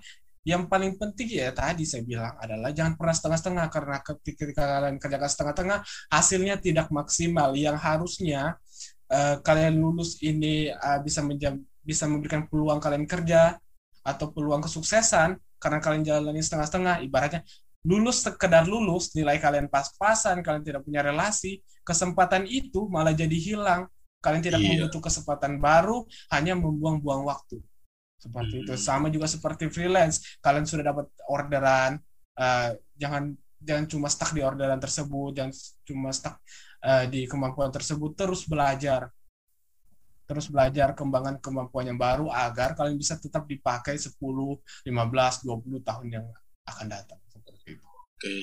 Okay. Kalau itu sih poin-poin penting saya bagaimana ya saya sendiri sebagai seorang mahasiswa dan juga sebagai freelance. Oke, okay. aku juga ada satu pertanyaan lagi soal ini ya. bagaimana menjadi seorang freelance dan gimana nih misal ada kasus uh, mahasiswa gitu kan saat ini dia belum jadi freelance tapi dia kepengen jadi freelance gitu bagaimana dia cara memulainya gitu dari mana kalau menurut Mas Halim gimana uh, uh, ini akan jadi pertanyaan baru apakah dia sudah punya kemampuan kan freelance itu kan ada jasa yang bisa kita jual. Uh -uh. Yang pertama, saya pernah tempatkan ke dua posisi. Yang pertama dia belum punya jasa yang dia bisa jual, belum punya kemampuan. Yang kedua dia telah memiliki itu. Ketika ibaratnya dia sudah memiliki uh, tersebut, ya kalian pahami dulu dengan baik. Ini yang sangat penting. Pahami dulu dengan baik. Jangan asal terjun. Kalian uh -uh. harus tahu apa resikonya, apa yang akan jadi kendala nantinya, gitu jangan ah ibaratnya nyemplung dulu lah nanti udah nyemplung baru tahu, tahu akibatnya hmm. gitu ini nah, jangan begitu ketika kalian asal-asal nyemplung bisa saja yang bukannya membuat peluang baru hanya menghancurkan perkuliahan no. kalian malah menghancurkan peluang lama yaitu kuliah tadi ya iya hmm. benar peluang lama yang harusnya sudah hasilnya maksimal gara-gara kalian mencoba hal yang baru tanpa hmm. perhitungan dan analisis jadi hancur keduanya gitu-gitu. Jadi okay. ya yang paling penting kembali lagi adalah pertimbangan-pertimbangan. Bagaimana kalian bisa mengambil pertimbangan adalah cari orang-orang yang sudah mengalami ini, tanya dia bagaimana uh, dengar kisahnya, apa yang sudah terjadi pada dia, apa yang pernah terjadi pada dia, bagaimana dia mengambil keputusan ketika itu terjadi. Itu saya rasa nggak penting dan itu menjadi poin minus orang uh, kebanyakan orang yang ingin memulai uh, menjadi seorang freelance seperti cerita saya, saya memulai freelance ini tidak langsung. Freelance. Iya, dua tahun saya menunggu dulu. dari ajakan. Uh. Itu bukan bukan karena kenapa-napa, bukan karena saya meragukan kemampuan saya, tapi karena saya tidak memahami dengan baik. Hmm. Saya belum memahami pada saat saya tidak mau asal terjun. Nah makanya banyak orang yang asal terjun akhirnya tidak bisa survive, dia tidak uh. bisa bertahan. Makanya itu adalah poin penting. Coba dengarkan uh, kata tapi kadang-kadang orang begini ketika dia diberikan cerita diberikan masukan lebih tidak percaya kenapa enggak lah kayaknya enggak si Anu sukses-sukses aja tuh si Anu bisa beli ini tuh itu sih yang susah makanya mendengar cerita jangan enaknya doang Iya betul. Pikirkan yang yang buruk-buruknya. Wah, manajemen waktunya. Dengar-dengar yang begitu jangan. Yang didengar itu yang baik-baik, yang apa ya, yang bisa menimbulkan ilmu. Jangan yang mobil baru, rumah baru, ribuan dolar, ratusan juta rupiah, jangan seperti itu. Kalau mau, itu kan rata-rata orang yang memulai apa ya, mulai freelance tuh karena tergiur itu sih, iya. banyak. Sekarang, wah ini dia, dia dia bisa beli rumah nih, pegawainya segini ya. Oke. Itu saya rasa, saya saya anggap penting sih. Oke, karena gini sih prinsip uh, prinsip orang pada umumnya sih rata-rata tuh mereka hanya mendengarkan apa yang dia dengarkan. Jadi ketika dia menggebu-gebu jadi freelance, jadi mereka hanya mendengarkan apa enaknya doang. Giliran ada orang yang memberikan uh, sisi terburuknya atau skenario terburuknya, mereka nggak percaya karena ah itu dia malah bisa beli rumah, dia nggak pernah tuh iya, stres karena freelance. Ah. Orang itu bisa menghasilkan ribuan dolar tuh gitu kan. TRS yeah. tuh misal di Fiverr yeah. tanpa stres tuh. yeah. Padahal yang namanya pengalaman orang itu beda-beda yeah. jadi kita ya nggak apa-apa sih kita dengerin orang-orang yang itu tadi itu kan iya. orang-orang yang buat motivasi iya buat motivasi juga itu perlu tapi kita juga harus mendengarkan orang-orang yang yang mengalami yeah. sisi terburuknya siapa tahu kan orang itu sebenarnya juga mengalami hal buruk cuma dia nggak nyeritain gitu kan orang-orang yang hmm, tadi iya. sedangkan yang ini mereka ya. ya nyeritain biar orang-orang yang baru terjun itu ya, tahu gitu nah itu ya. memang salah satu ya. tujuan suara saya film juga gini, gitu mas. Uh -uh. saya juga res respect uh, respectful kepada teman-teman yang berbagi pengalaman buruk saya respect sekali dengan orang yang seperti itu yang memberikan hmm. pengalaman buruk dan juga memberikan solusi daripada uh, kalian mendengarkan apa ya istilahnya hati-hati dengan influencer, hati-hati dengan influencer. Ketika teman-teman yang baru mulai freelance, hati-hati dengan influencer. Saya ulangi lagi, hati-hati dengan influencer. Beberapa influencer hanya menginginkan insight dari kalian, hanya ingin uh, waktu tuh waktu tayangnya kepada kalian. Beberapa influencer. mereka hanya apa ya mengiming hal ke yang baik mereka tidak tidak tidak apa ya tidak menceritakan tuh yang buruk-buruknya iya tidak peduli nah, kalau mereka kalau kamu gagal juga iya benar kalau kamu gagal tidak tidak berpengaruh kepada mereka mereka sudah mendapatkan apa yang mereka mau uh. nah ya kadang gimana ya kadang aku juga yeah. sebagai konten maksudnya kan aku bikin konten juga kadang hmm. hal itu juga perlu sih untuk clickbait tapi di sisi lain kita yeah. juga harus kasih uh, kasih pencerahan juga buat yeah. yang hal-hal yang terburuk juga kasih porsi juga jangan semuanya dikasih yang terbaik kalau itu iya, malah kasihan sebagai audiens konten kreator itu gitu ya emang susah sih ya, tapi, memang uh -uh. Hmm, tapi jangan juga gini karena ah ternyata susah ya jadi freelance. Jadi nggak mau nyoba jadi nggak jadi. Jadi jadi gimana ya? Dikasih yang bagus-bagus doang pikirnya apa ya mindsetnya nggak tercipta nggak bagus dikasih yang buruk-buruk semangatnya jadi hilang. Jadi tapi malah nggak ya, apa-apa semangatnya hilang dia nggak jadi sehingga gimana ya kalau orang itu uh, dengerin apa ya apa ya enak-enaknya doang jadi semangat terus yeah. ketika apa ya ketika mereka mendengarkan yang buruk lalu jadi nggak jadi ya berarti dia memang nggak siap gitu kan. Benar. misalnya gitu kan. Kayak iya, ibarat kita uh, ngerjain orderan gitu. Lalu uh, ketika orang lihat nominalnya wah besar Uh, tapi hmm. ketika lihat rekrutmen atau brief yang klien itu wah ribet lalu nggak jadi berarti kan dia kan nggak siap untuk mengerjakan proyek ya, itu. Ya. ya menurut aku mungkin ya itu sih seleksi alam. Iya, itu bisa menentukan kesiapan mereka iya. sendiri sih dari situ. Uh, uh. Malah justru mereka jadi sadar kan, uh, sejak sadar sejak dini sadar uh, cepat bahwa memang freelance nggak cocok buat dia sehingga ah nggak jadilah ribet nggak cocok kayak gitu malah mundur. Ya, Lebih baik kayak gitu ketimbang dengerin influencer yang kayak gitu denger enak enak-enaknya doang lalu gagal di tengah-tengah sama aja kayak menurutku buang-buang waktu sih walaupun nggak selamanya kayak gitu. Itu sih. Benar, benar banget sih kalau kita mau bahas lebih panjang bagaimana memulai freelance tua banyak faktor yang harus kita bicarakan iya, banyak faktor sih. banyak kondisi yang berbeda mm-hmm. tapi kalau kalau di saat ini kan kita eh, jangkauan kita cuma mahasiswa dan yang mau menjadi mahasiswa mm-hmm. itu seperti mahasiswa yang jadi freelance mau, ya kalian mau mulai atau tidak pikirkan iya, iya. buruknya oke okay? Iya benar sih. Hmm. Oke, selanjutnya nih uh, soal nilai kan, yang namanya perkuliahan kan harus ada yeah. goal yang harus dicapai, yaitu nilai Benar. akademik yang baik dan prestasi. Nah itu gimana tuh Mas Halim bisa mempertahankan nilai akademik, prestasi, organisasi, sedangkan di sisi lain uh, job freelance-nya itu banyak. Uh, enggak banyak-banyak banget sih, cuma ya, alhamdulillah. Tapi kan di sisi lain lebih intens gitu karena banyak juga ya. mahasiswa yang ngambil job freelance itu di kala mereka hmm. waktunya luang gitu. Mereka ya. waktunya luang baru benar-benar ngambil. Kalau Mas Alim ini kan di kala sibuk-sibuknya kuliah tapi ngambil job freelance ngambil. gitu. Hmm, ya, betul. Hmm, jadi ya kalau ditanya bagaimana bisa mempertahankan ya sebenarnya kalau dipikir saya kalau sekarang saya pikir kok bisa ya saya bisa bertahan sampai saat ini ibaratnya begitu tapi kalau bisa ditarik alasannya ya pertama mungkin untuk sekedar informasi dan saya mau pamer sedikit bahwa IPK saya saat ini adalah 3,84 wah tinggi ya itu mendekati mendekati sempurna sempurna ya. ya. Saya mau pamer soal itu ya kan hanya itu yang bisa saya pamerkan. Dan juga saya mengikuti beberapa apa ya beberapa organisasi dan juga alhamdulillah job freelance saya adalah setiap hari gitu kan. Hmm. kalau ditanya bagaimana bisa ya itu. Saya cuma bisa bilang begini kendalikan yang bisa kalian kendalikan jalankan yang tidak bisa kalian kendalikan maksudnya bagaimana di dua di dua dunia ini eh, yang freelance dan perkuliahan ini ada hal-hal yang bisa kalian kendalikan dan tidak bisa kendalikan. Yang bisa kalian kendalikan, yang yang tidak bisa dikendalikan dulu lah.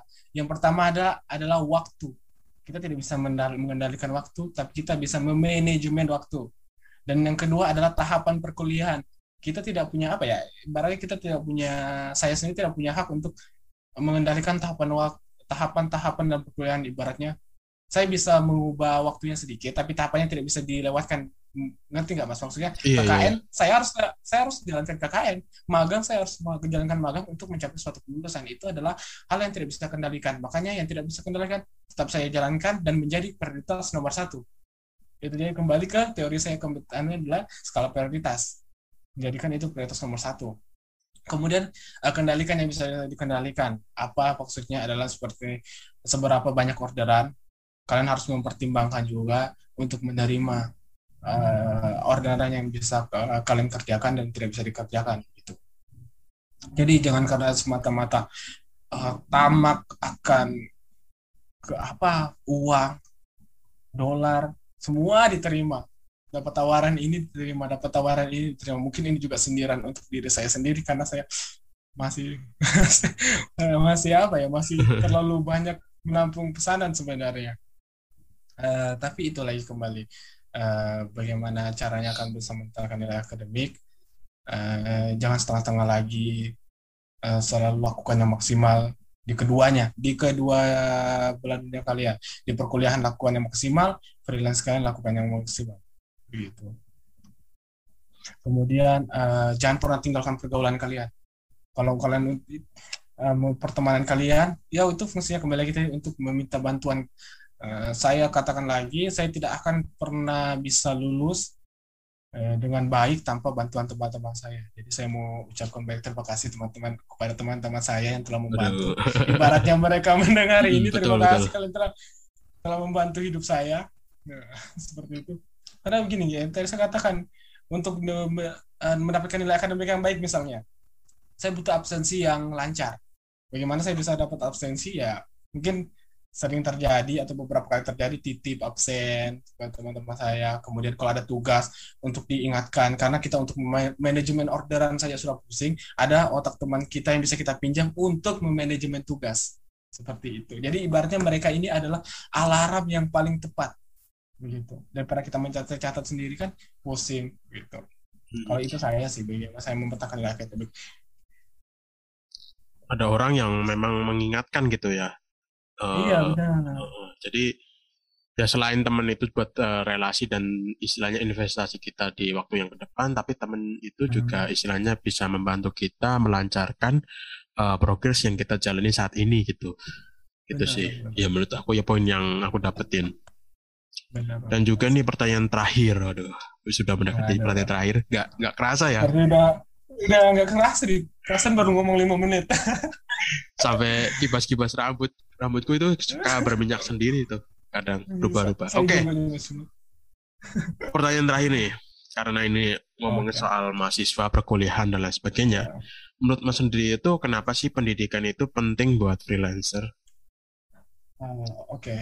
ini apa ya sesuatu lagi-lagi saya telah pembahasan yang sangat-sangat penting untuk teman-teman semua dan ini akan menjadi Eh, pendapat saya ini mungkin akan menjadi faktor yang menentukan kalian harus terjun di dunia freelance dan perkuliahan atau tidak sama sekali uh, atau kalian menjadi apa ya variabel kalian untuk memilih untuk menjalani perkuliahan atau tidak yang pertama adalah kenapa pendidikan itu penting buat freelance itu kita bisa belajar banyak di sana mas.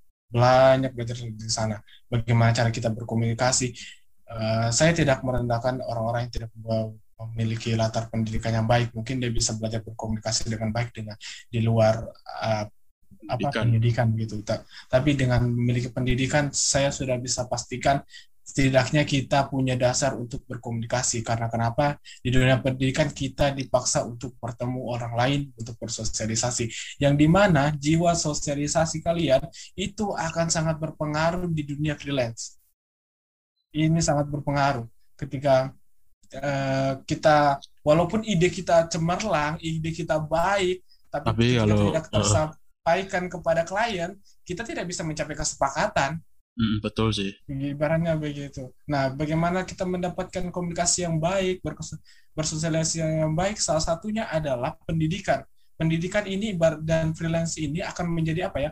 Faktor pendorong kemajuan, gitu, Mas keduanya ini kedua pendidikan dan freelance ini akan saling mendorong mendorong ke menurut kajian kemajuan dari hasil freelance bisa mendorong untuk membiayai perkuliahan dari belajar di dunia pendidikan itu bisa mendorong komunikasi yang baik di free uh, di dunia freelance. Bagaimana kita uh, menyajikan service yang lebih baik. Ketika service kita lebih baik otomatis net income kita akan menjadi lebih baik pula, lebih baik gitu. juga. Oke. Okay. ya, makanya uh, pendidikan ini sangat penting. Ibaratnya kalau teman-teman yang sudah uh, ibaratnya tidak menjalankan apa ya proses pendidikan lagi lah. Kan belajar itu tidak harus di bangku sekolah atau di bangku kuliah. Kalian harus uh, mungkin di community di komunitas kalian bisa belajar bagaimana berkomunikasi mendidik diri kalian sendiri menjadi lebih baik. Kalau saya seperti itu. Oke. Di pendidikan itu adalah jaminan juga buat teman-teman bisa Benar, istilahnya gimana ya mendorong ya proses uh, freelance juga sih. Karena aku lihat juga pendidikan juga bisa jadi portfolio atau CV yang bisa kita masukkan di hmm. saat kita melamar yeah. project freelance gitu.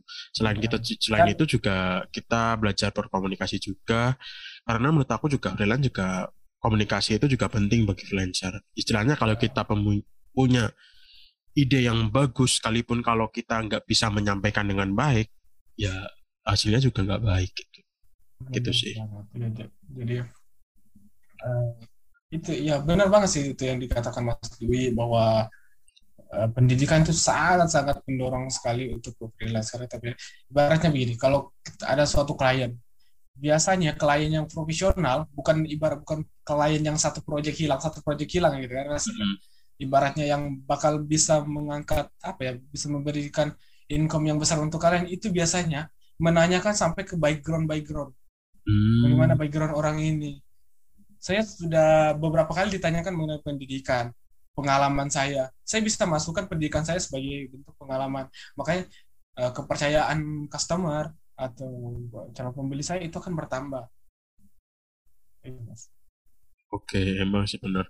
Biasanya kalau yang aku temui sih kalau ada klien yang mau istilahnya long term atau klien hmm. yang jangka panjang gitu, mereka akan meminta CV kita. Tapi kalau biasanya freelancer itu sih yang dimintai resume gitu.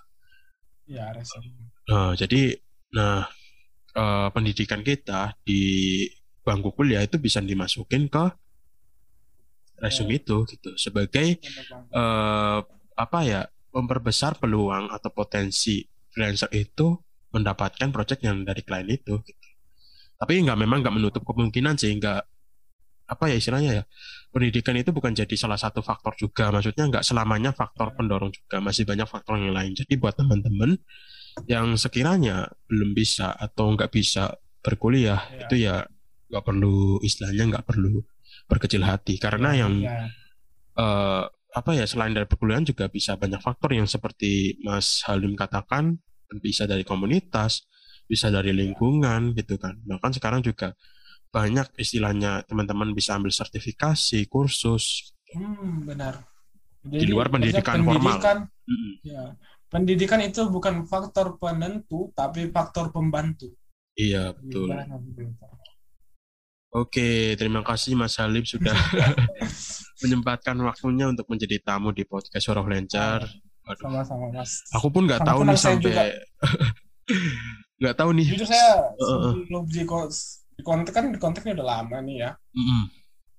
Iya, sebelum jadi saya di kontak saya sudah saya, saya sebelum di kontak saya sudah persiapkan. Bayangkan mas sebelum di kontak saya sudah persiapkan. Oh bisa gitu. Padahal belum di kontak. Bisa ya? gitu. Apa udah nebak atau mas tim traveler uh, bisa Enggak. tahu gitu? Cuma kayak emang pengen berbagi sih walaupun ya buat teman-teman saya tegaskan sekali lagi apa yang saya katakan bukan absolutely benar ya betul. Nggak nggak absolut. Begitu pun juga saya ap, sih.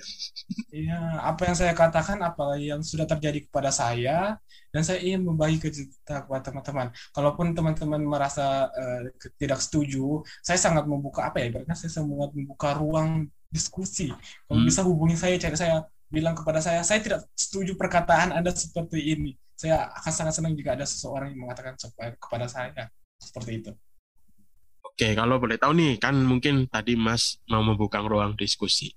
Mungkin ada pendengar di sini yang mau tanya atau mungkin nggak sepakat, itu bisa menghubungi ke mana nih ke Instagram atau ke mana? Ya, mungkin bisa uh, ke Instagram saya nanti dicantumin mungkin kan? Oh iya sih. Uh, atau yeah. atau bisa melalui suara freelance kan? Ah, ya, ya, saya iya.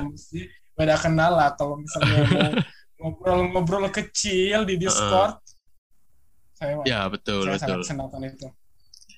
Oke, okay, terima kasih. After, after ini, ini saya minta minta minta anu kali Mas ya, minta dibukakan ruang diskusi. Misalnya kalau uh, apa ya, kalau insight-nya tinggi dan kemudian oh, banyak iya. ingin berdiskusi. Mungkin mungkin teman-teman teman-teman ada yang eh tadi uh, ada mahasiswa yang eh saya punya permasalahan nih tapi nggak dibahas di podcastnya ini. Saya mau bertanya secara langsung dan dibahas secara mendalam mungkin.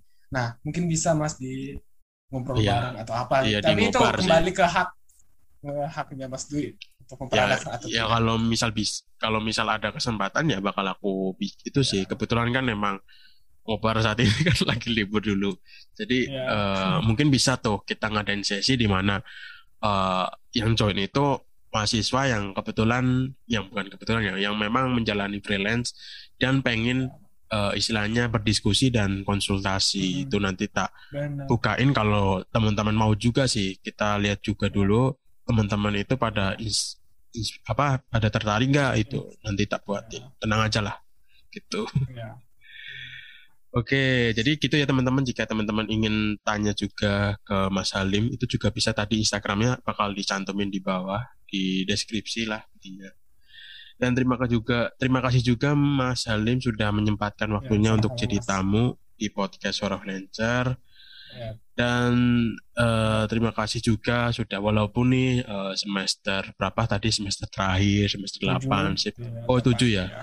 Uh, 8, ya. KKN gitu kan mau KKN mau uh, skripsi juga tapi menyempatkan waktunya untuk jadi tamu. Semoga uh, rezekinya Mas Salim lancar terus, dipermudah Amin, sampai juga. perkuliahan Amin. bahkan tadi kan nilai akademiknya juga tinggi, semoga mendapatkan amin. titel kamlet ya atau apa gitu. Amin, amin, amin, amin. amin. Jadi gitu ya teman-teman. ya. Oke, jika teman-teman ada pertanyaan juga bisa sih langsung di kolom komentar dan kalau teman-teman sepakat untuk ngadain ngobar atau diskusi gitulah teman-teman bisa komen juga. Nanti kita bakal pertimbangin bakal ngadain koper atau enggak. Dan teman-teman jika mendukung Suara Venture caranya gampang banget. Cukup subscribe dan follow channel Suara Venture di berbagai kanal. Dan juga bisa follow Instagram Suara Venture yaitu @suara dan jangan lupa follow Mas Halim juga di Halim Usman ya tadi ya.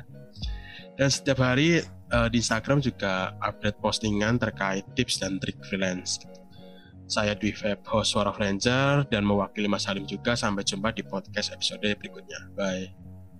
Bye. Terima kasih teman-teman.